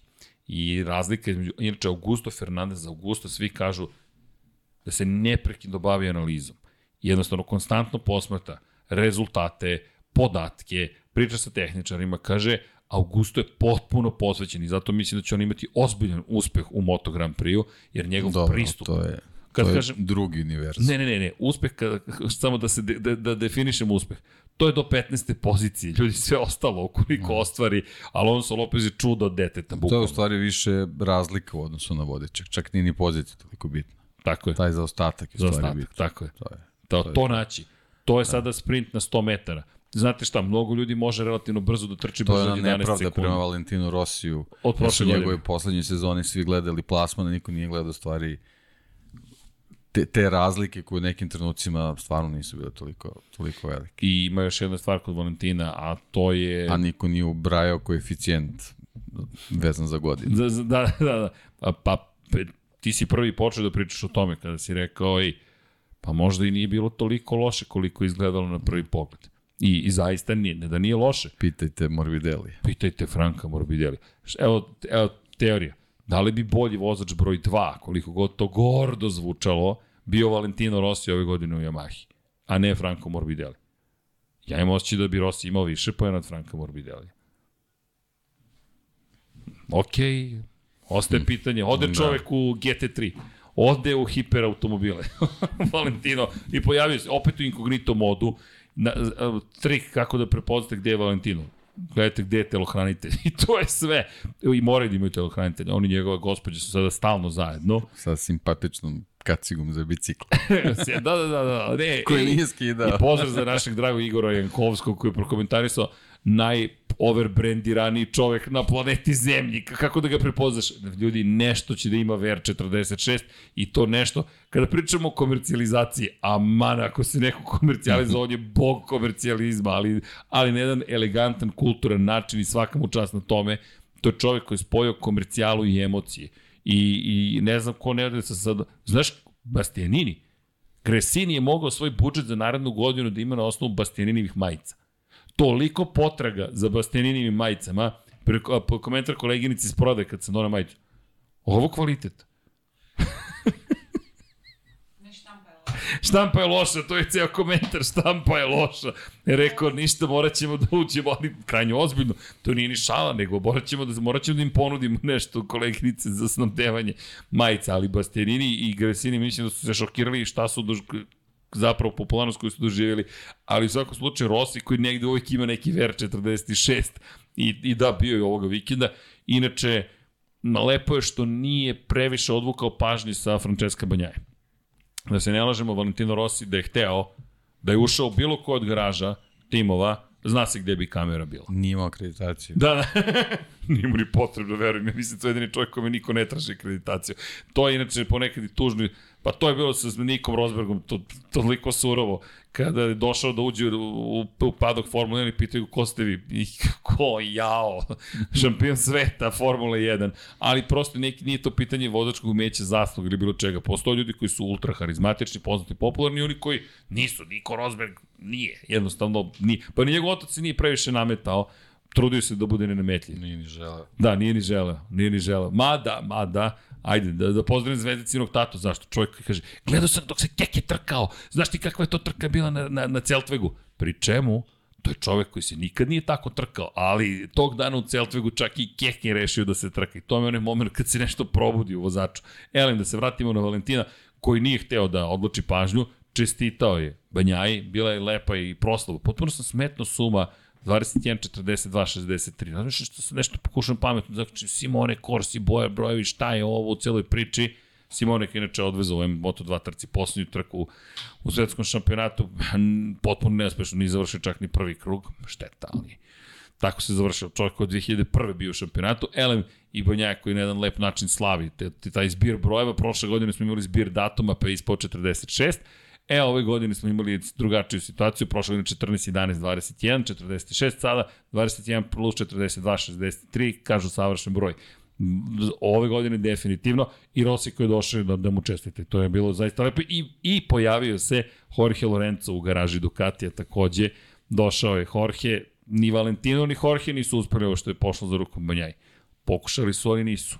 Jorge je pobeđivao makar, Valentino nije ni pobedio na Ducatiju, ali negde i seme toga što se desilo Ducati mislim da je posađeno upravo u tom neuspehu s Valentinom Rossi. Čisto da se vratimo i na, i na taj deo priče. Ali u svakom slučaju, eto, da, posmatrati te neke rezultate je, da, zanimljivo, ali pričat ćemo još o tome. Nego, znaš koga bih ja spomenuo?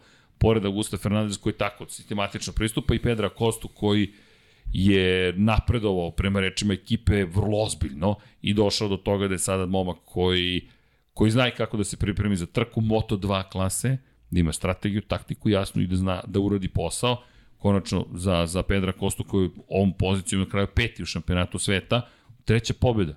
I tražio sam, deki, da li znaš, da li ti znaš, ja nisam se setio na Keca, ko je poslednji vozač pre Pedra Koste koji je kao debitant pobeđivao u Moto2 klasi? Moto2? Da. Pa ne. Alex Rins. Poslednji koji je zabeležio da, pobedu. Ne, ne bih Ne, veruj mi, nisam imao pojma, ja sam ovako sedio i razmišljao, kada razmišljam ko je, ko je, ko je, ko je, ko je i onda ušao godinu po godinu da vraćam. Poslednji koga sam se ja sećao bio Maverick Vinales 2014.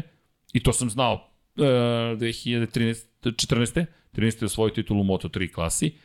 I znam zato što je Maverick baš bio dobar u Moto dvojkama odmah. I onda razmišljam, ko je posle njega zabeležio pobedu u prvoj sezoni? Maverick je bio dobar u Moto Grand Prix odmah. Da. Bio i odmah u Yamahi, dobar. Šta se desilo s Maverickom Janesom, zaista ne znam. Imam teoriju da je i Rossi potpomogao u uništenju samo pouzdanja Maverika Vinjalesa, ali ej, sediš preko puta, nisi prijatelj više. Bukvalno, nisi, nisi prijatelj, ali nisam se setio da je Alex Rins. I onda sam prevrtio oko sedim i razmišljam, Alex Rins? Vidi stvarno Alex Rins 2015. godine. Baš mi je bilo zanimljivo, zato što mi, mi je bilo neočekivano, moram ti priznati. Ali, Tri pobjede ove godine za Novajliju i naravno Novajlija godine. Alonso Lopez je drugi najbolji sa dve pobjede. Pa sad imamo ove godine dva vozača. I spomenut ću Alonso Lopeza, ko zna šta nas čeka naredne sezone. I čoveka koji je stajao u Zajovce na pobjedničkom postoju Tonija Arbolina. Jelena ga inače naučila, kaže čao svima. Ok, mada izgovori čao svima. pa se sad čao svima. Rekao, ok, ali eto i Toni Arbolino rekao čao svima. Simpatično. Makar meni. O, ćao svima. Da, to je, inače, neko me pitao kada ti to ćao svima. Ljudi, to mi ima 10 i više godina. Iz nekog razloga nisam hteo da počinjem intervju poštovani gledalci, dobro već i dobro. Nego, ćao svima, ej, ej, onda tu i tu. I onda su mi napravili kompilaciju Dragan ili Coki, Jelena, ne sjećam Dragan i Jelena, svih mojih intervjua, pozdrava i izveštaja sa staze. Svaki je počinjao sa ćao svima. Ćao svima, ćao svima, ćao svima, ćao svima, ćao svima. I mnogo ljudi mi piše, prestani da govoriš ćao svima kao ovo, smisli nešto novo a ja ne bih. A ja nešto ne bih. Ali dobro, sad sam počeo da pišem Ćao Ducati, Ćao Suzuki, Ćao inspektori. Ko se sjeća tog filma? Kažite koleginici iz prodaje. Pa i gledalci su poslali, prosledila sam ti na Instagram Jesu mi poslali šta? Ćao svima, čao svima. Kompilacija. Nisam to vidio, ne, stvarno. Ne, sad je bilo dovoljno samo da udaraš po telefonu istorije da vrtiš, već dobiješ kompilaciju. boli mozak, verovatno. Ali da, zvao me, neću sad da kažem ko je rekao, hoćeš li prestati, molim te, moje dete, moje dete to gleda, ja ne mogu da slušam, ćao svima više. Pri čemu najgore od svega što ponavlja tvoje story, jer mu je zanimljivo ostatak priče, i ja moram da slušam Kao 28 slika, čovječ. Ćao se. Pakao. Bukvalno pakao. Ćao. Neko je rekao, to je viral. Možda nije planirani. E, ali Instagram mi sad dozvoljava da stavljam story od minutu. To je bio ranije test sada. Sad ti je lakše. Lakše mi, zato je bilo toliko. Prošli put, svaki put moram četiri, pa moram sve da tagujem, pa moram u krug. A, bilo naporno. Sad, puf, puf, puf, puf, puf, puf. A imam još snimaka koje spremam za, za nastavak, nisam imao snage više. Zaista, ne, u ponedljak mi već nije bilo dobro od umora. Baš smo se umorili. Pozitivno je i ne pamtim da se medijski centar video toliko umoran. Ne znam osobu u Moto Grand Prix-u koja je bila toliko umorna kao ove godine šta god da se desilo, svi su bili preumorni. Preumorni. I kada se završio test u utorak, ja nikad u životu nisam bio da brže ispražnjen medijski centar. Bukvalno je bilo, jel gotovo? Tum! Samo su se svi razbežali. Bukvalno. A baš, baš je bilo teško. Gledaš ljudi i vidiš da, da, da, da je već naporno. A ne sam da zamislim kako će tek da bude sa dodatnom trkom. Jer to je baš mnogo dodatnog posla. Baš mnogo dodatnog posla. Inače, da, da, dobro, ja imam, imamo priče, biće, biće, biće prilike tokom međusezone. Nego, Toni Arbolino, reče čovjek, hoću svima da dokažem da sam ja najbolji vozač Moto2 klase, četiri trke, dve pobede, jedno treće mesto. Činjenica, pao u Australiji, ali opet, najbrži krugovi su tu, brzi je, dobar je u kvalifikacijama, Deki, sve to deluje dosta dobro. Najveće pitanje je da li ta zrelost je zrelost ili je to samo trenutak inspiracije pošto je već sve bilo rešeno po pitanju titula šampiona sveta? Pa da, možda neko rasterećenje. Pa to. Znači, nemamo odgovor. Nemamo odgovor, mislim, sledeća, se, se, sledeća sezona će dati odgovor, ali kao, kao što ne možemo sad da, da, da i o Rinsu pričamo isto i, i njegov rezultat možda produkt tog rasterećenja. Tako da, Ko zna? Kad krene, kad krene sezona, kad krene puna koncentracija, e, tu trebaš da, da, da isporučiš maksimum, pa ćemo da vidimo. I ali, ali nema veze, tu je. Tu je. Sve okay. Tu je. Inače, Jeremy Alcoba je sve bolji, sve češće sve modećih deset, ali dajem ime na, za koje vam kažem, pratite ga sledeće godine. Manuel Gonzalez. Ljudi, Manuel Gonzalez trenutno nije, ne privlači pažnju previše kamere. Dečko je konstantno među vodećih 5-6. Vodite računa o Manuelu Gonzalesu.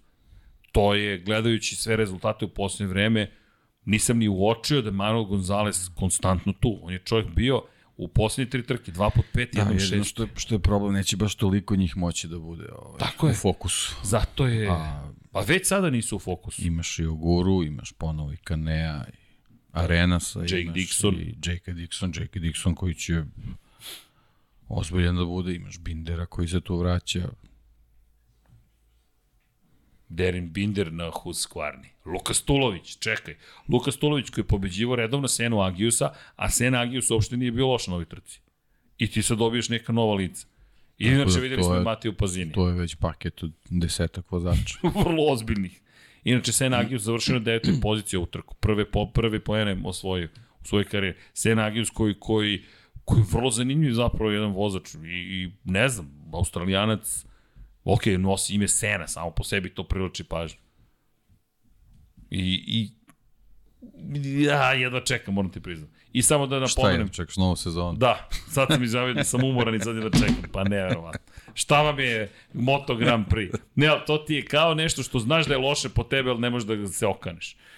To se zove zavisnost od trkanja. Moraš prvo da izanaliziraš ovu, moraš da probaš sarmu, svašta moraš da uradiš. Ima posla. Ima posle, zato će ti brzo doći sledeće sezone. Misliš prebrzo? da. Imamo Decembar i knjige. ti je već, već popunjen. Da, stiže Formula 1 šampioni, da. biće još nekih knjiga i tako. Biće baš, i imamo još nekog posla koji smo isplanirali, treba i da proslavimo novu godinu, nove majice. Jelka, Jelka. McLaren možeš da sastaviš. Znaš šta imaš? A zašto pričaš o jednini? Ja ću te kontrolišem. Zašto pričaš u deki u jednini? Ne, vidi, znaš šta je naš najveći uspeh po pitanju Lego kocki? Ako uspemo Paju da dovedemo da učestvuju u svemu tome. Kako good luck je, je neko dobacio. To je baš izazov. Neko da, je dobacio da, da. good luck. Pesimista sam potpuni. Pesimista sam potpuni. pa ništa, Vanja, Vanja, Vanja nije trenutno u studiju. Vanja, Vanja. Da, treba, treba malo ovi sveži mozgić. To, to, to, to, to, to, to. to. Da, onda, Zelena stolica. To onda sedne i da... da A ima mnogo delova, tako da, da mislim da će po celom kako, stolu da bude. kako? Dobro. Ima kolekcionar Lega, ali Star Wars. Kolekcionar Lego Star Wars. Da, Dobro. Da ga zovemo. Imamo kontakt.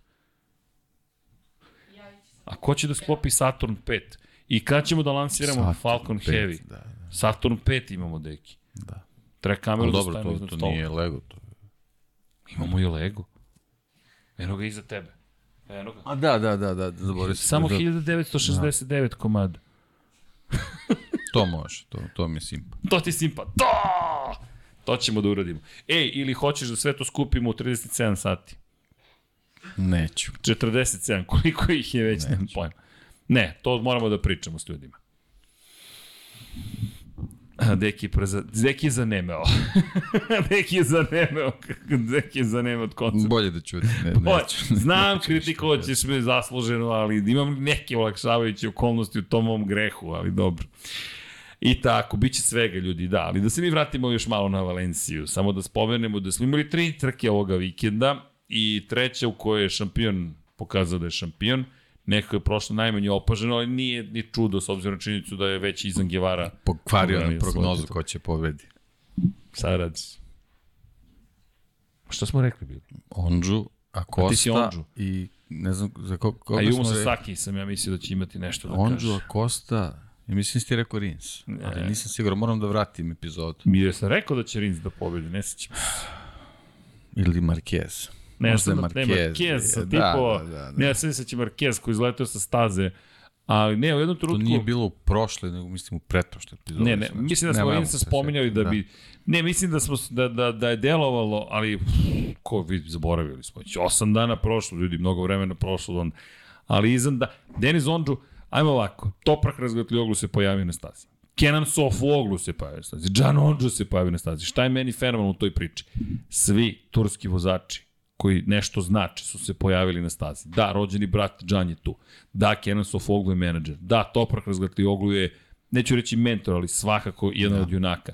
I mnogo je lepo bilo vidjeti ih. Mnogo je važno da se drže zajedno. E, samo da objasnim, ne postoji iz moje perspektive, to nije na nacionalnom nivou nekom političkom, ali verujte, to, to ljudi se drže zajedno svojih nacionalnih, što saveza, što prijatelja i tako dalje. Vi možete da vidite da su italijani i španci najbrojniji. I kod njih, da, postoji sukob jedan u određenim grupama, ali ne postoji sukob na nacionalnom nivou. Vi ako pogledate, španci upravljaju Rosijevim ekipama. Pablo Nijeto je direktno odgovoran za VR46. To što on ima sukob sa Markom Markezom ne znači da on u sukobu sa Španijom, nego je u sukobu na jednom ličnom nivou između njih dvojice.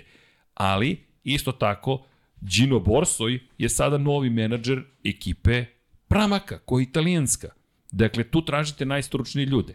Ali isto tako, Španci i Italijani su toliko dominantni u tim šampionatima da oni imaju gde da se i kako drže. Kada pogledate ostale nacije, nemate vi francuski lobi. Sa Fabio Quartararom imate prvog šampiona posle milion godina, imate Joana Zarka, imate Hervea Ponšarala, ali Herve e, igra na mnogo stolica u ovom trenutku. S druge strane, ovo je turski lobi koji ne postoji de facto. Vi morate da ga stvorite i oni moraju da se drže zajedno da bi rekli, ej čekaj, to ne znači da će neko da se bori protiv vas po defaultu zato što ne znam, niste italijani ili niste španac. Ne, ali bitno je da se zna da postoji neka grupa da, ali ljudi. mislim da oni nemaju nikakve šanse kao lobby za bilo šta, osim što su ozbiljno tržište. Ta, I to je u To- stvari to je njima to. važno. tako je. Njima je važno da imaju u svakom trenutku predstavnika koji će drže neku priču, a trenutno imaju sreće da imaju dvojicu Tako je. u dva jako, jako ovaj, bitna šampionata. Mislim, Takozvani show of strength. ovaj, i Da prateći se pojavi šampionati sna- u da Moto Grand. Prix su na sreću bitni šampionati. Tako je. D- Gian Ondžu, inače, jeste u supersportu, nije dovoljno uspešan da bi bio faktor taj, ali Deniz, Deniz, ovo je bila velika šansa, mislim da je naučio još jednu lekciju. Ne pocenjuj protivnika i ne precenjuj svoje sposobnosti. Više ovo drugo. Više ovo drugo, jer, jer i shvatio sam, kad sam shvatio šta gledaju levo, a gledali su monitor, rekao, aha, okej, sad Ondžu sad koji poručuje dva, bit prvi, ja to sad završam. I Tu je izgubio trku. Čim, Tu je izgubio čim je trku. to poručio. Čime, bukvalno tog momenta ako gledam, razmišljam, mm, ne valja ta rabota. To se pokazuje, to se priča posle eventualno, a čak ni tad ne moraš da pričaš, završi ti posao. Prvo završi posao, to je ono, prvo skoči pa reci hop. Dobro, ali Bukvalno. kako god ogroman napredak Ogroman, u odnosu na prošlu godinu. Ogroman. Mislim, on jednu Pa trku, trka. jednu trku nije u Jednu trku bio. nije završio među osvačima poena, Da, da. ali ju je završio. Da. Najpouzdaniji vozač. Najpouzdaniji vozač, što je ogroman napredak za dečka koji je stalno padao. I još jedna bitna stvar, meni ovo deluje kao Ne samo što je padao, ovaj, upropašćavao je drugima trke. Tako je. Ova, ova godina je bila mnogo, mnogo čistija Jeste. i ovaj, Zrelija. zrelija. Zrelija godina. To je, to je pravi termin. Da. Zrelija. I imaš Banjaj, banj, ovo je meni Ondžov, Ondžova Valencija je meni Banjajin Motegi. Ili ti. Napravio je grešku, izgubio je trku, izgubio je pobedu, ali mislim da ovo nije greška poput onih ranijih. Ovo je nova vrsta greške i kako to gledam, jer njegov Pa napad... ne, ne, nije ovo, kako bih rekao, Nije ni- greška, ja, ja ovo je nisam, ovo- trkanje. da, nisam ovo prebacio kao grešku, ovde samo za njega pozitivna stvar što je bio u duelu sa dečkom koji je super ekstra talent. Jest. I samo je naučio jednu stvar. Tako To je da to. ne vidim ja to kao, kao grešku. Zato- Da, da, da nije Guevara bio tu možda, možda da, ne bi, ne bi to ispalo ali, tako. Ali, zato... ali, je, ali jednostavno to što je morao da primeni, primenio protiv čoveka koji je koji to pročitao. Izdominirao, apsolutno, apsolutno. Ali zato mi je to bitno da se zna, ovo nije poraz tipa koji, ja, sad ću se vraćati na taj poraz. Ne, ovo je poraz koji ti tera da budeš bolji. Da bukvalno budeš bolji i ta defanzivna vožnja u 13. krivini. Odmah sam znao, verujem mi, bilo je, samo razmišljam, ne, Denize, ne, Denize, pre čemu izan ko odlazi široko, kaže, hvala lepo, i koji zna da će imati spori izlaz i ubrzanje, samo vidiš kako Guevara prolazi pored i kaže hvala. Ja, posebno nezgodno kad u tim duelima ovaj, se boriš protiv španaca koji su se rodi, rodili na toj stazi. Bukvalno. Da, bilo je, mislim, kako bih rekao, ovaj, bio je brz, ali ne dovoljno da, da ti napraviš prednost da, da možeš da, ga, da sebi garantuješ da će protiv Španca da izađeš kao pobednik na ovoj stadion. Teško. Jednostavno, baš je teško bilo pri tom protiv Španca koji je svetski šampion, potpuno rasterećen i treba mu samo da eto, zabeleži tu pobedu da bi onako stavio šlag na tortu i da, da to bude to. I jeste stavio šlag na tortu. Da, jeste. Točno lepa pobeda. Sedma pobeda ove sezone. I to je... I ono što smo pričali, titula osvojena na potpuno drugačiji način, odnosno Pedra Kostu i jedva čekam da ih ponovo vidim zajedno, to je, baš me zanima ovaj, ko je na koji način napredovo i, i, i ovaj, sazreo. I, ali a, dopada mi se sazrevanje uživo jednog i drugog. Gevara od momka koji prošle godine šutira stolice na koti, pa dobija pa, pobedu zahvaljujući pravilniku. Da, da do toga da je sada momak koji je Pa eto, imali smo drugačiji. tu kotu gde smo imali bukvalno presek ovaj, e, karaktera Ondžua, Gevare i, i Akoste. Akosta koji, koji je leteo, leteo. u to, to je nekoj stravičnoj priči koji iz, izazvao Ondžu, Gevaru koja je tako temperamentno reaguje i sad imamo evo jednu Valenciju gde imamo Akostu koji, koji pobeđuje na svoj način, Gevaru koji pobeđuje na svoj način i Ondžo koji se bori na svoj način. Znači, ponovo, ponovo smo dobili priliku eto da, da ih izanaliziramo i na taj način. I znaš koga bih ja dodao u celu priču? Gina Borsoje. Znaš zašto? Gino Borso je doneo pobedu izvenu Gevari tog dana. Gino Borso je bolje poznavao, bukvalno je bolje poznavao pravilnik od ostalih šefova timova. Gino Borso je koji sada odlazi da vodi pramak. Ali ako se svetite, mala želen, zelen, žuta knjižica, oprostite, je tehničko-sportski pravilnik Moto Grand Prix i Gino Borsoj koji se raspravlja sa svima, objašnjiva im, iako ne verujem šta priča pa ovaj član, e okrenete još jednu stranu, zato što član ima još jedan član, koji ima još jedan član, koji ima još jedan član. I dođete do toga da u ovoj situaciji, ako se desi ovo, ovo, ovo, ovo, ovo, ovo, ovo, ovo i ovo, pobednik je Izan Gevara i Gino Borsoj koji dolazi. Ja se izvinjam, tako da moram da dodam Gina jer se sjećam tog momenta i razmišljam šta radi Borsoj sad u cijeloj ovoj priči znamo šta radi. Donosi pobedu svom vozaču, zaista fenomenalno. I, i, i, i iz te perspektive, jedna trka koja je to specifična, ali vraćamo se na nju. I lepo si rekao i ovo za Ondžua, Ondžu koji je glavnog antagoniste šampionata, došao upornošću, konzistentnošću i konstantnošću do toga da bude sada neko koga svi s pažnjom prate i ima sve više i više navijača Denis Ondžu. Ali bila je lepa trka, pametno trkanje, Gevara koji je povukao, čak možda najkvalitetnija trka mislim da je bila Moto3 trka. Kada pogledaš šta nam je pružila, jer ti gledaš Bekca iza na Gevare koji zna da mora da pobegne, gledaš konkurenciju koja se muči da prati tempo, gledaš Onjo koji može da prati tempo, koji da nije bilo tog momenta ja drugi, prvi, vratno ga je uzbudilo, ponelo i tako dalje, još tu je cela porodica, tu je Kenan Sofoglu, petostruki šampion sveta super, sveta u super sportu, inače legenda u Turskoj. Kenan Sofoglu je božanstvo u, u Turskoj kada je reč o sportskim ličnostima, Toprak oglu sve popularniji, ali Kenan je taj koji je koji utro put kompletno svim ovim momcima i onda dolazi Džan kao najmlađi pobednik na ovoj stazi 2018. sa 15 godina i 115 dana Sada to više nije ni moguće da se promeni. Ne možete da budete maloletni, mada ima i tu na zanimljiva potpriča. Možete, ukoliko znate kako će, kako glasi pravilnik, što je, kako ste Gino Borsi, pa znate kako da, da to organizujete. I dolazi u tu celu priču onda Denis koji želi tu prvu pobedu u karijeri. Ali lepa trka, izdvojili se, pobegli, napao u poslednjem krugu, na polovini kruga, Da je ostavio za poslednju krivinu, možda, ali ljudi opet je to samo možda. Niko ne zna kako bi Guevara reagovao. Da, i Valencia je nezgodno da ostavljaš za tu poslednju krivinu. Jedino, to je jedino Maverick Vinales ostavio da. za titulu. Čovjek koji je te godine, cele godine bio nekako u prikrajku, prikrajku, prikrajku, da dolazi poslednja krivina, poslednji kruga, poslednje trke protiv Aleksa Rinsa, kome titula ide, ide Mavericku Vinalesu. Neverovatno. Banditska vožnja. Tako smo je proglasili tada, ali dobro. I tako, deki, dođu smo mi polako li sigurno do kraja sezone.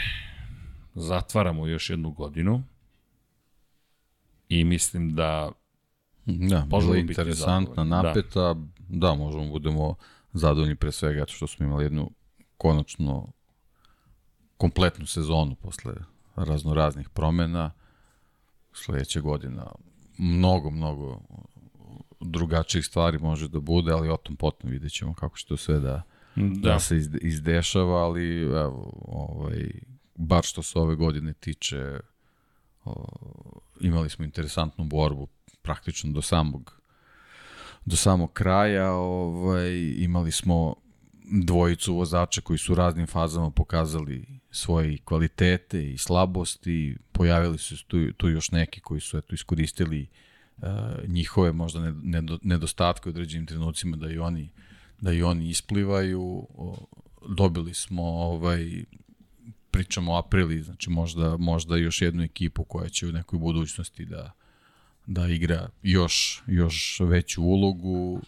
Uh, u finišu smo dobili taj KTM koji možda najavio da je to neka prolazna kriza, bila će oni možda biti sledeće, sledeće godine bolji ovaj, i imamo te japanske proizvođače koji koji su očigledno u velikoj krizi i jako je važno da, da sledeća godina bude prekretnica u nekom pozitivnijem smislu da bismo ih zadržali da, da, da, da ostanu ovaj, u čitavoj priči, tako da bilo je onako intenzivno i, i zanimljivo i samim tim zbog toga i brzo prošlo. Mislim, ovaj, bilo je tu stvarno, stvarno i mnogo trka i konačno smo išli ovaj, na kontinente gde dugo nismo bili, tako da ovaj, eto, nekako sad možemo onako da, da, da i mi odahnemo, kažemo, eto, konačno je to se sve vratilo u neki, neki običajni ritam da bi već za, za, za koji mesec sve, sve prešlo neku novu neobičnu priču, tako da ovaj, uvek zanimljivo, nikad dosadno,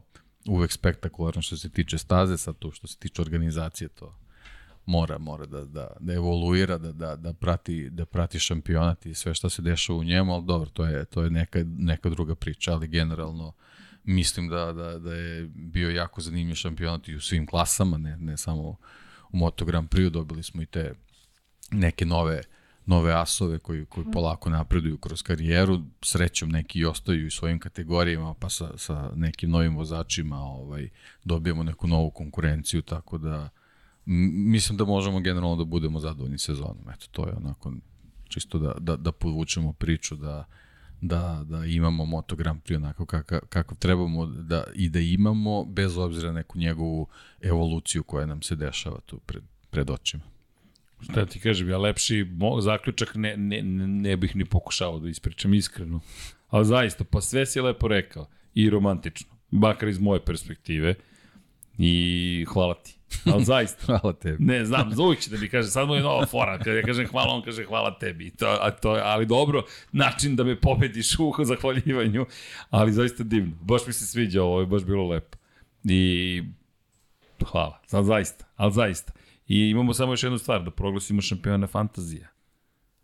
Znaš ko je šampion fantazija? Znam ko nije. ja ih znam više, ali Ajde, deki, ovako. Evo, obećavam sledeće godine će se posvetiti. Ne, ne, sledeće godine mislim da, da bi to bilo zaista u redu, da, da, da, da se zaista ne samo pojavimo, već da se igramo.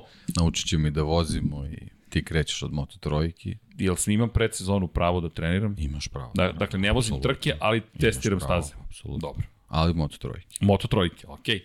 Ajde, pogu, ajde ovako, pazi, lakše nego što misliš, ali Um, kako da ti pomognem, da ti ne pomognem, ali recimo da, da, da si ti davno predvideo da će osvojiti titulu. U fantaziju? Ne, pa da, na neki način, na neki način. Na neki način. Pazi, znam da ti, pazi, čak ga imaš i u kadru. Ba, bukvalno. Da ti pomognem, Bestijanini 23. Aplauz za tim Bestijanini 23, volim vas, dakle, 2096 poena i na kraju sezone Bestijanini 23 osvaja titulu. 2096, koliko to je prosečno po trci? Prosečno 104,8. ne znam Svaka kako neki, stvarno ne znam. Karl Marx je drugi sa 103,3 prosečno, 2066 ukupno. Suvi potok 2063,5, 103,2 prosečno. Inače da znate, nisam zaboravio ni prošlogodišnje ni ovogodišnje. I mogu vam reći, sve smo bolji u nekim stvarima, organizacijori i mi, ne zamerite. Dakle, da li vas molim za strpljenje? Apsolutno. Ljudi, ovo radi i dalje četvoro ljudi i, i, i jednog dana kada se uspešno komercijalizujemo, bit će nas više. Do tada morat ćete da trpite ekipu od četvoro ljudi i, i to, je, to vam je to. Dakle, stići će i trofeji, imamo sada i znamo kod koga da ih napravimo i kako će da izgledaju i šta će to da bude. Biće vam uručeni kako, nemam pojma. Da li će biti spremni za 29. novembra za Lab 100? Pa, bilo bi lepo, obavestit ćemo se ukoliko bude izvedeno, pa ćemo i prošlogodišnje fantazivice da pozovemo i ovogodišnje, i iz Formule 1 i iz Moto Grand Prix da A napravimo. 100 će biti dupla doza. 100 će biti dupla Da, doza. Da, da. Dupla To doza. sam zaboravio te pitam. Da, Da, to pa nije nekako- vezano za Pa- svoj jedan ili Moto Ne, ne, Grand ne, Prix. to je prosto okay. dan kada se družimo i malo Dobro, slavimo trkanje i Moto Ok. Grand Prix Formulu 1 A to je... i to je utorak veče. I Liverpool sigurno nešto igra. Pazi, garantujem ti da igra. Garantujem ti da igra ono što možemo da zamolimo ljude. Da li ti znaš Da, da za ne 10 znam. dana počne svetsko prvenstvo A, fudbala? da, eto. Tako da, da je Sigurno ne igra. verovatnoća vrlo mala. Ja znaš što je najgore? Ja što ja pomažem ljudima da nađu smeštaj u Kataru, pošto smo upoznali neki divni ljudi tokom trke. I oni mi svi pišu, imaš nekog u Kataru, imam nekog u Kataru. kapiraš što traje 3 dana, I ali ne. kapiram ne neki, ali mene to toliko stvarno ne potresa. Meni ljudi masovno pišu i, i govore mi i ja im nalazim smeštaj, pomažem da se organizuju. I on Flaški mi je pisao, zapravo on ide u Katar na tri utakmice i pita li imam nekog u Kataru. Imamo nekog u Kataru, nemojte ništa da brinete, ali, ali, ali ja to svaki put zaboravim. Ide velika ekipa odavde, a ide i Hasan Bratić. Ide i Hasan Da, Bratić. će Andrej i e, sutra ujutro putuje. Trećem put. ja sam još pričao sa Marko Hasanom. Đurica je već tamo. Kad počinje to? 20. mislim. 20. 20. čini mi se. Da, da man, da, da, bu- a, da, se igra nešto u to vreme? 29. Ček da vidimo, raspored. Pa igra se verovatno nešto. World Cup schedule. Ajde. Ali ima nešto širok je dijapazon od 10-11 ujutro pa do 8 uveče. U razne vremena počinju utakmice. Tako sam da, da... iskren po tom pitanju. Bar stvarno ne glumim. Da, da, ne. Ovako, čekaj da vidimo. Ko igra tog dana? 29. novembar, Ekvador, Senegal, Holandija, Katar, Iran, SAD i Wales, Engleska. Bez problema možda organizuješ lap broj 100. Vidi, možemo da organizujemo koje god hoćeš, bukvalno. Dakle, lap 4000 možemo da organizujemo. Top. Ali za otvaranje izložbe 1. decembra da vidimo Hrvatska, Belgija, Kanada, Maroko, Japan, Španija, Kosta Rika, Nemačka. Pa dobro, ko svraća na izložbu iz Hrvatske, 7 dana će trajati, tako da znate. Srbija igra 2. decembra, da vidim da li ima još nekog, ali dobro, 29. nam je, dakle, moći ćete da pratite tamo u dogmi, verovatno na nekom od ekrana, uh, Iran, SAD i Wales, Engleska. Eto, tako da znate, družit ćemo se i na taj način i bit će zabavno, ja se nadam. Ali da, to poziv još jednom ljudi, svratite u dogmu, stavit ćemo i sada i na, najzad najavljujemo na vreme nešto. Čekaj, to je ozbiljan napredak za kraj sezone. I to je napred, napredujemo ljudi, pokrećemo se u pravom smeru. Tako da i to će biti spremno i ja se nadam da ćete se da ćete nam se pridružiti, da ćemo se lepo zabaviti. Kada je reč o izložbi, videli ste već, već i to u toku, šokantno, šokantno, ali istino, istinito, ali istino, opa. Dobro, vreme da idemo, vreme da gasimo polako kamere. Vanja, kreći. Ne gase se kameri, man. A ne, Za 25 Jel nam minuta, stižu? da, da, da, čekaj, tako čekaj, da- Luka i Kuzma. Požuri da se Hoćemo, odjevamo. hoćemo da. ponovo da ih ostavimo u minut do 12, da mi Vanja ovde izgori ponovo. Vanja koji me polako gleda, neće ni da me pogleda, pustio bi je muziku. čak ni na godini više ne mogu da se izvodim veći u fazonu, ne, ne, dečko, kraj. A nešto je palo, nema veze, iza kulisa je. to je majica Aleksa Rinsa. Dakle, Ja se nadam da ste zadovoljni. Udrite ljudi like. Evo, molim vas udarite like. Udarite subscribe oni koji nas prate, a nisu subscribe-ovani. Nama to i tekako znači. Znači nam da imamo što veći broj ljudi u zajednici, da se družimo, imajte razumevanja, evo, mi vam obećavamo da će 2023. biti još bolje iz naše perspektive, svakako organizacija će da utiče, utiče na to. Šta nas sve donosi godina, ko to zna? Tu nam je dama koja prevodi knjige, pa eto, očekujte svakako još knjiga, očekujte nekih lepih momenta, vidim ovde podsjetnike za specijale, Jorge Lorenzo, Casey Stoner, Ayrton Senna, ima mnogo toga što treba uraditi, tako da, bit ćemo tu složit ćemo sigurno jedan Lego, malo ćemo se baviti kosmosom, stiže mada ako Musk prestane da se bavi Twitterom, možda i lansiraju Falcon Heavy, koliko je zauzeto oko društvenih mreža, nisam siguran, ali eto držim palčeve da u SpaceX-u se time ne bave, mada je rekao da, do, da dovodi inženjere iz SpaceX-a da poprave Twitter. Nemoj Elone Mašče, Ilone Mašče, pusti Twitter, ajmo da se bavimo raketama, ali dobro. Kako god mi ćemo biti tu, bit će ekipa tu naravno i za preostale dve trke, bavit ćemo se analizom sezone, vreme da pozovemo Andreja Isakovića, mislim da bez njega analiza Formula 1 sezone ne može da prođe. Pobego je, pobego je, ne, on je otišao planski na svetsko prvenstvo da ne bi morao time da se bavi. Ali znaš šta ćemo da uradimo? Pozovemo Hasana Bratića i njega dok su tamo i kažemo ajmo momci da vidimo šta imate da kažete na ovu temu. A onda pozovemo još i, i, i Miodraga Kotora u tu emisiju da nam se pridruži i svi zajedno malo se ispričamo.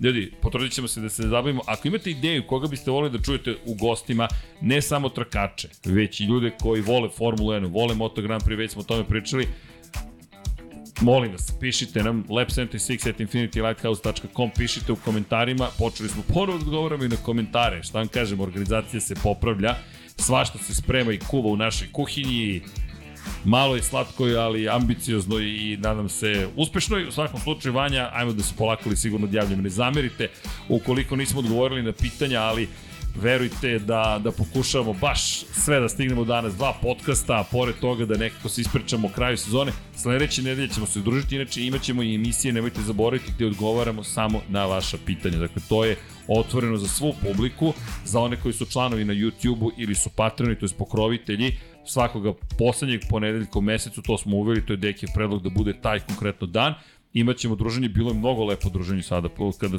kada smo, kako je to dan bio, četvrtak? Ne, e, četvrtak ili sreda? Sreda, u sredu smo imali prošle nedelje i baš je bilo lepo. Veliki broj ljudi se odazvao i bilo je lepo čuti vaše pitanje, videti vas jer to ipak Zoom drugačije je i ja se nadam da ste vi zadovoljni. Sve predloge, ideje samo šaljite pobednici fantazije, čestitamo još jednom, samo da, na, u, nisam pročitao svih 10, samo da napomenem, Moli je bio na poziciji 4, on ili ona, Mandrah Team petica, Your Zen Ride šestica, Kodijak 13, sedma pozicija, Jakovski, Jankovski motografi, Jankovski motografi, Igore, Pa ti si, pa Igor je mora da sedne tamo. Mora da sedne da ispriča priču svoju. Da. Solo Luna Racing Team i Shaba Team. A ono što mogu da vam kažem, ukoliko izvedemo još jednu kung fu akciju tokom ovog među perioda, možda ćemo biti korak nekim snovima koje smo vam ispričali, čak i kada je reč o čak i kada je reč o tome da ćemo se pojaviti na stazi. I ostavit ću vas uz tu pomisao, u ne u misteriji, ali pratite sve tokom međusezone šta spremamo. Ozbiljno smo se naoštrili da deca sa ovih prostora dobiju priliku u svetskom šampionatu i radimo na tome. I ne, nije šala, u Valenciji smo napravili još jedan korak na tome, tako da držite palčeve i nisam se šalio kada sam rekao da je sam da vidimo Moto3 ekipu sa ovih prostora u šampionatu sveta Nećemo odmah skočiti u šampionat sveta možda, ali kako stvari stoje, možda ćemo naredne godine napraviti prvi korak ka tome i možda će se jedna stidljiva ekipa pojaviti u jednom takmičenju. Ali, step by step, sada prestajem da počinjem da ćutim, prestajem da pričam jer sam dobio poruku. Zip it. ili ti čuti, moram da otključam usta samo da pročitam i zahvalim se svim pokroviteljima i članovima na YouTube-u, da sam sam i Djena Potkonje koji polako ulazi u kliničku depresiju sa mnom, ali ne znam, nadam se da će me prihvatiti jednog dana. Držim palčevi da će se to desiti do tada, pobeći ću čitanje imena svih članova na Patreon i zahvaliti na sve još jednom. Ljudi, udrite like, udrite subscribe, mazite se i pazite se. Pre svega budite dobri jedni prema drugima. Ukoliko možete, pošaljite poruku na 9656 200 ili 500, postaćete tako mesečni donatori UNICEF-a i bit ćete u klubu prijatelja UNICEF-a. Dakle, to je jedan sitan moment za, za nas, nadam se, ukoliko nije, zaboravite ovo što sam rekao, ukoliko ste u mogućnosti, bilo bi lepo. Prosto to je 200 dinara mesečno ili 500 dinara mesečno za svu decu i apsolutno ćemo se truditi da po tom pitanju podignemo stvari na viši nivo, da podržimo još veći broj dobrotvornih organizacija, ali eto, to je poruka za večeras. Inače, budite zaista dobri. Deki, tebe čekam da pričamo o Forgieriju, kad tad da napravimo specijal o velikanima tog aspekta Formule 1. Ostali smo bez Maura Forgieri, ali to nije neka pretužna priča s obzirom da čovjek imao, na činjenicu da ima 87 godina, ali Forgieri ostaje zapamći kao jedan od tih legendarnih tehničara i inženjera Formule 1. Pričat ćemo o tim ljudima i Moto Grand Prix-u i nastavit ćemo da, i da delimo ideje i širimo znanje i pričamo lepu priču, jer mi smo Infinity Lighthouse, mi smo ekipa Lab 76, imate gospodina Dejana Potkonjaka, imate gospodina Pavla Živkovića, koleginicu s prode Vanju, Petra, sve ove divne ljudi koji ovde sede i sarađuju sa nama, pomažu nam. Zato udrite like i budite dobri. A sada, da bismo stigli na vreme da uradimo jednom neke stvari, da pročitamo sve naše pokrovitelje. Idemo danas od Patreona krećemo. Pratite reči Luku i Kuzmu. Gotivna ekipa, što bi rekli vi mladi, Dejane. U svakom slučaju, da krenemo. Dakle, hvala kome svemu. Ovo su imena divnih ljudi koji nas podržavaju. Salim Okanović, Matija Binoto, Lj. Đurović, Danka, Mladen Tešić, Meri mi vreme Deki, Đorđe Milanović, Stefan Vuletić, Marko Kostić, Jelena Veljković, Aleksa Valter, Ivan Milatović, sad ćemo trkački pozu da zauzmemo. Dušan Delić, Luka Martinović, Vojn Kostić, Martin Ant Marin Antunović, Aleksa Lilić, Sead, Dorijan Kablar, Matej Sopta, Igor Jankovski, Nikola Milosavljević, Marko Kozić, Šmele, Marko Petrkanović, samo da znate, Igor Jankovski je pokrovitelj, a nije pobedio fantaziju, nema ovde ništa preko veze, Marko Petrkanović, Srđan Sivić, Milan Apro, Branimir Rijevec, Nemanja, Jasmina Pešić, Matija Rajić, Zoran Cimeša, Danijela Iličić, Đole, žena mi zna, Andreja Miladinović, Borislav Ivanović, Miloš Radosavljević, LFC, Crnogorski džedaj, Grgo Živaljić, Vlada Ivanović, Jugoslav Krasnić, Andrej Brank, Andreja Branković, Nebojša Živanović, Ivan Rečić, Andrej Bicov, Veselin Vukićić, Dimitrije Mišić, Ivan Ciger, Safet Isljami, Ivan Panajotović, Boris Erceg, Branislav Kovačević, Dipres Cody Garban Fend, Aleksandar Jurić, Vladimir Filipović, Vladimir Petković, Đorđe Đokić, Pavle Nj, Miloš Tudorov, Emir Mešić, Ertan Prelić, Alen Stojčić, Bojan Markov, Bahter Abdurmanov, Darko Trajković, Dejan Đokić, Ferenc Laslov i Branko Bisački, Žarko Milić, Aleksandar Milosavljević, Igor Gašparević, Vukašin Jekić, Branislav Marković, Igor Vučković, Aca Vizla, Nemanja Zagorac, Aleksandar Antonović, Novak Tomić, Boris Kujundžić, Tijena Vidanović, Aleksa Jelić, da žena ne sazna, Dušan Petrović, Lazar Pević, Stefan Nedeljković, Alen Vuletić, Zoran Majdov, Nikola Stojanović, Jesenko Samarđić, Bojan Majstorović, Antonio Novak, Stefan Milošić, Miroslav Cvetić, Đole Bronkos, Ognjen Marinković, Aleksandar, Aleksandar samo, Nemanja Miloradović, Marina Mihajlović, Dušan Ristić, Miloš Vuletić, Luka Manitašević, Čekam da se očita još jedna strana. Zorana Vidić, Marko Hork, Boris Golubar, Mirena Živković, Josip Kovačić, Andrej Boža, Boris Gvozde, Nenad Cimić, Petar Relić, Bojan Mijatović, Milan Nešić, Borko, Nešković, Borko Božunović, Marko Ćurčić, Mlađan Antić, Kristijan Šestak, Stefan Vidić, Ivan Žorž, Luka Savić, Jelena Mak, Goša 46, Kovačević, Omer, Monika Erceg, Nenad Đorđević, Nikola Božinović, Filip, Mihajlo Krgović, Đorđe Radović, Predrag Simić, Ivan Simeunović, anonimna osoba, zatim Zoran Šalamun, Aleksa Vučaj, Miloš Banduka, Marija Vidović, Zoltan Mezej, Stefan Lešnik, Zečnik, Ivan Maksimović, Toni Ruščić, Milan Đurđević, Marko Bogovac, Nikola Grujičić, Marko Mostarac, Mladen Krstić, Marko Čuković, Stefan Dulić, Ivan Toškov, Sava Dugi, Jelena Jeremić i Ozren Prpić. Članovi na YouTube-u su... Pobegao mi je ceo jedan e, moment, izvini Vanja, bit ću brzo samo da mi se otvori spisak svih članova. Samo sekund. Dakle, Ivan Vincetić, Bojan Gitarić, Igor Ninić, Milan Bačić, Ljena Milutinović, Dejto Gaming, Ivan Hornjak, Aleksandar Nikolić, Aleksandar Kockar, Marko Bogovac, Nikor 24, Aleksandar P, DG, Regi, Toleador, Sejdo Mujčić, Kosta Berić, Uroš Ćosić, Marko Stojiljković, Nikola Božović, Nikola Vulović, Ivana Mešković, Igor Ilić, Fuk, Nemanja Bračko, Maksi, Mensur Kurtogić, Galeksić, Uroš Vučuturilo, Alen Jesenović, Žarko Jovanović, Voča Pero, Vladan Đurić, korespondent, korespondent, Marakos, Zlatko Marić, Milan Knežević, Aleks Vulović, Nemanja Cimbaljić, Bojan Pejković, Almir Vuk, Resničanin, Petar Bijelić, Kro Robi 00, Pavle Lukić, Milorad Reljić, Nerad Lukić, Saša Stevanović, Toni Stoni 76, Nikola Niksi, Branko Rašević, Nikola Grđan, Miloš Tanimirović, Bakadu, Ivan Magdanović, Ivan Vucinović, Tatjana Lemajić, Veselin Vukićić, Branislav Dević, Vukašin Vučenović, Almedin Ahmetović, Nemanja Labović, Miloš Zed, LFC, pobeže mi scroll, kompletno se vratio na vrh, Nikola Kojić, Nemanja Miloradović, Marina, Vlada Ivanović, Oliver Nikolić, Jelena Nerenić, Luka, Nemanja, Bojan, Markov. I za kraj, deki, spremamo te sarme za 29. Dobro. Ko želi da pro... A kako ćemo da probamo deki te sarme? To će da bude šta blaga. Da, da se ne sekiram. Čuli ste, dakle, udrite like za Sarme. U svakom slučaju, to će biti najbrže Sarme svih vremena. Sprema ih gospodin Dejan Potkonjak i ukoliko snimimo behind the scenes, bit će to vrlo zanimljivo, ali eto, spremamo LP 001. to je ili ti Sarme po Lab 76-u. U svakom slučaju, Deki, što ti kažem, hvala beskonačno. Hvala tebi. Nema na čemu. Sjetio sam se, čekaj. Vreme da se pozdravim, Deki mi gleda na sad. Ajmo, dečko, ne Ajde radimo da normu. Pomognemo, Vanji da. da pomognemo. A ljudi, hvala vama za svu pomoć. Pišite nam, vraćamo se mi sledeće srede, nemojte da brinete, ali ovo je kraj sezone. Peko Francesco Banjaja je novi šampion sveta Moto Grand Prix klase, prvi italijan u 50 godina italijanskom motociklu od AGA i MV Aguste, prvi italijan od Valentina Rosija, prvi izver 46. akademije, drugi u istoriji za Ducati, prvi posle 15 godina i još mnogo toga. Augusto Fernandez u Moto dvojkama, u Moto trojkama Izan Gevara, u Moto E klasi Dominik Egirter, da ga ne zaboravimo. I najvažnije od svega, u Fantasy Lab 76 zvanične lige, Pestianini 23 i u to ime je vreme da se pozdravljamo. Aplauz za sve šampione, ljudi! Deki, još jednom hvala i nema na čemu. I da vam kažemo, volim vas, laka noć i Ćao, čao svima. svima.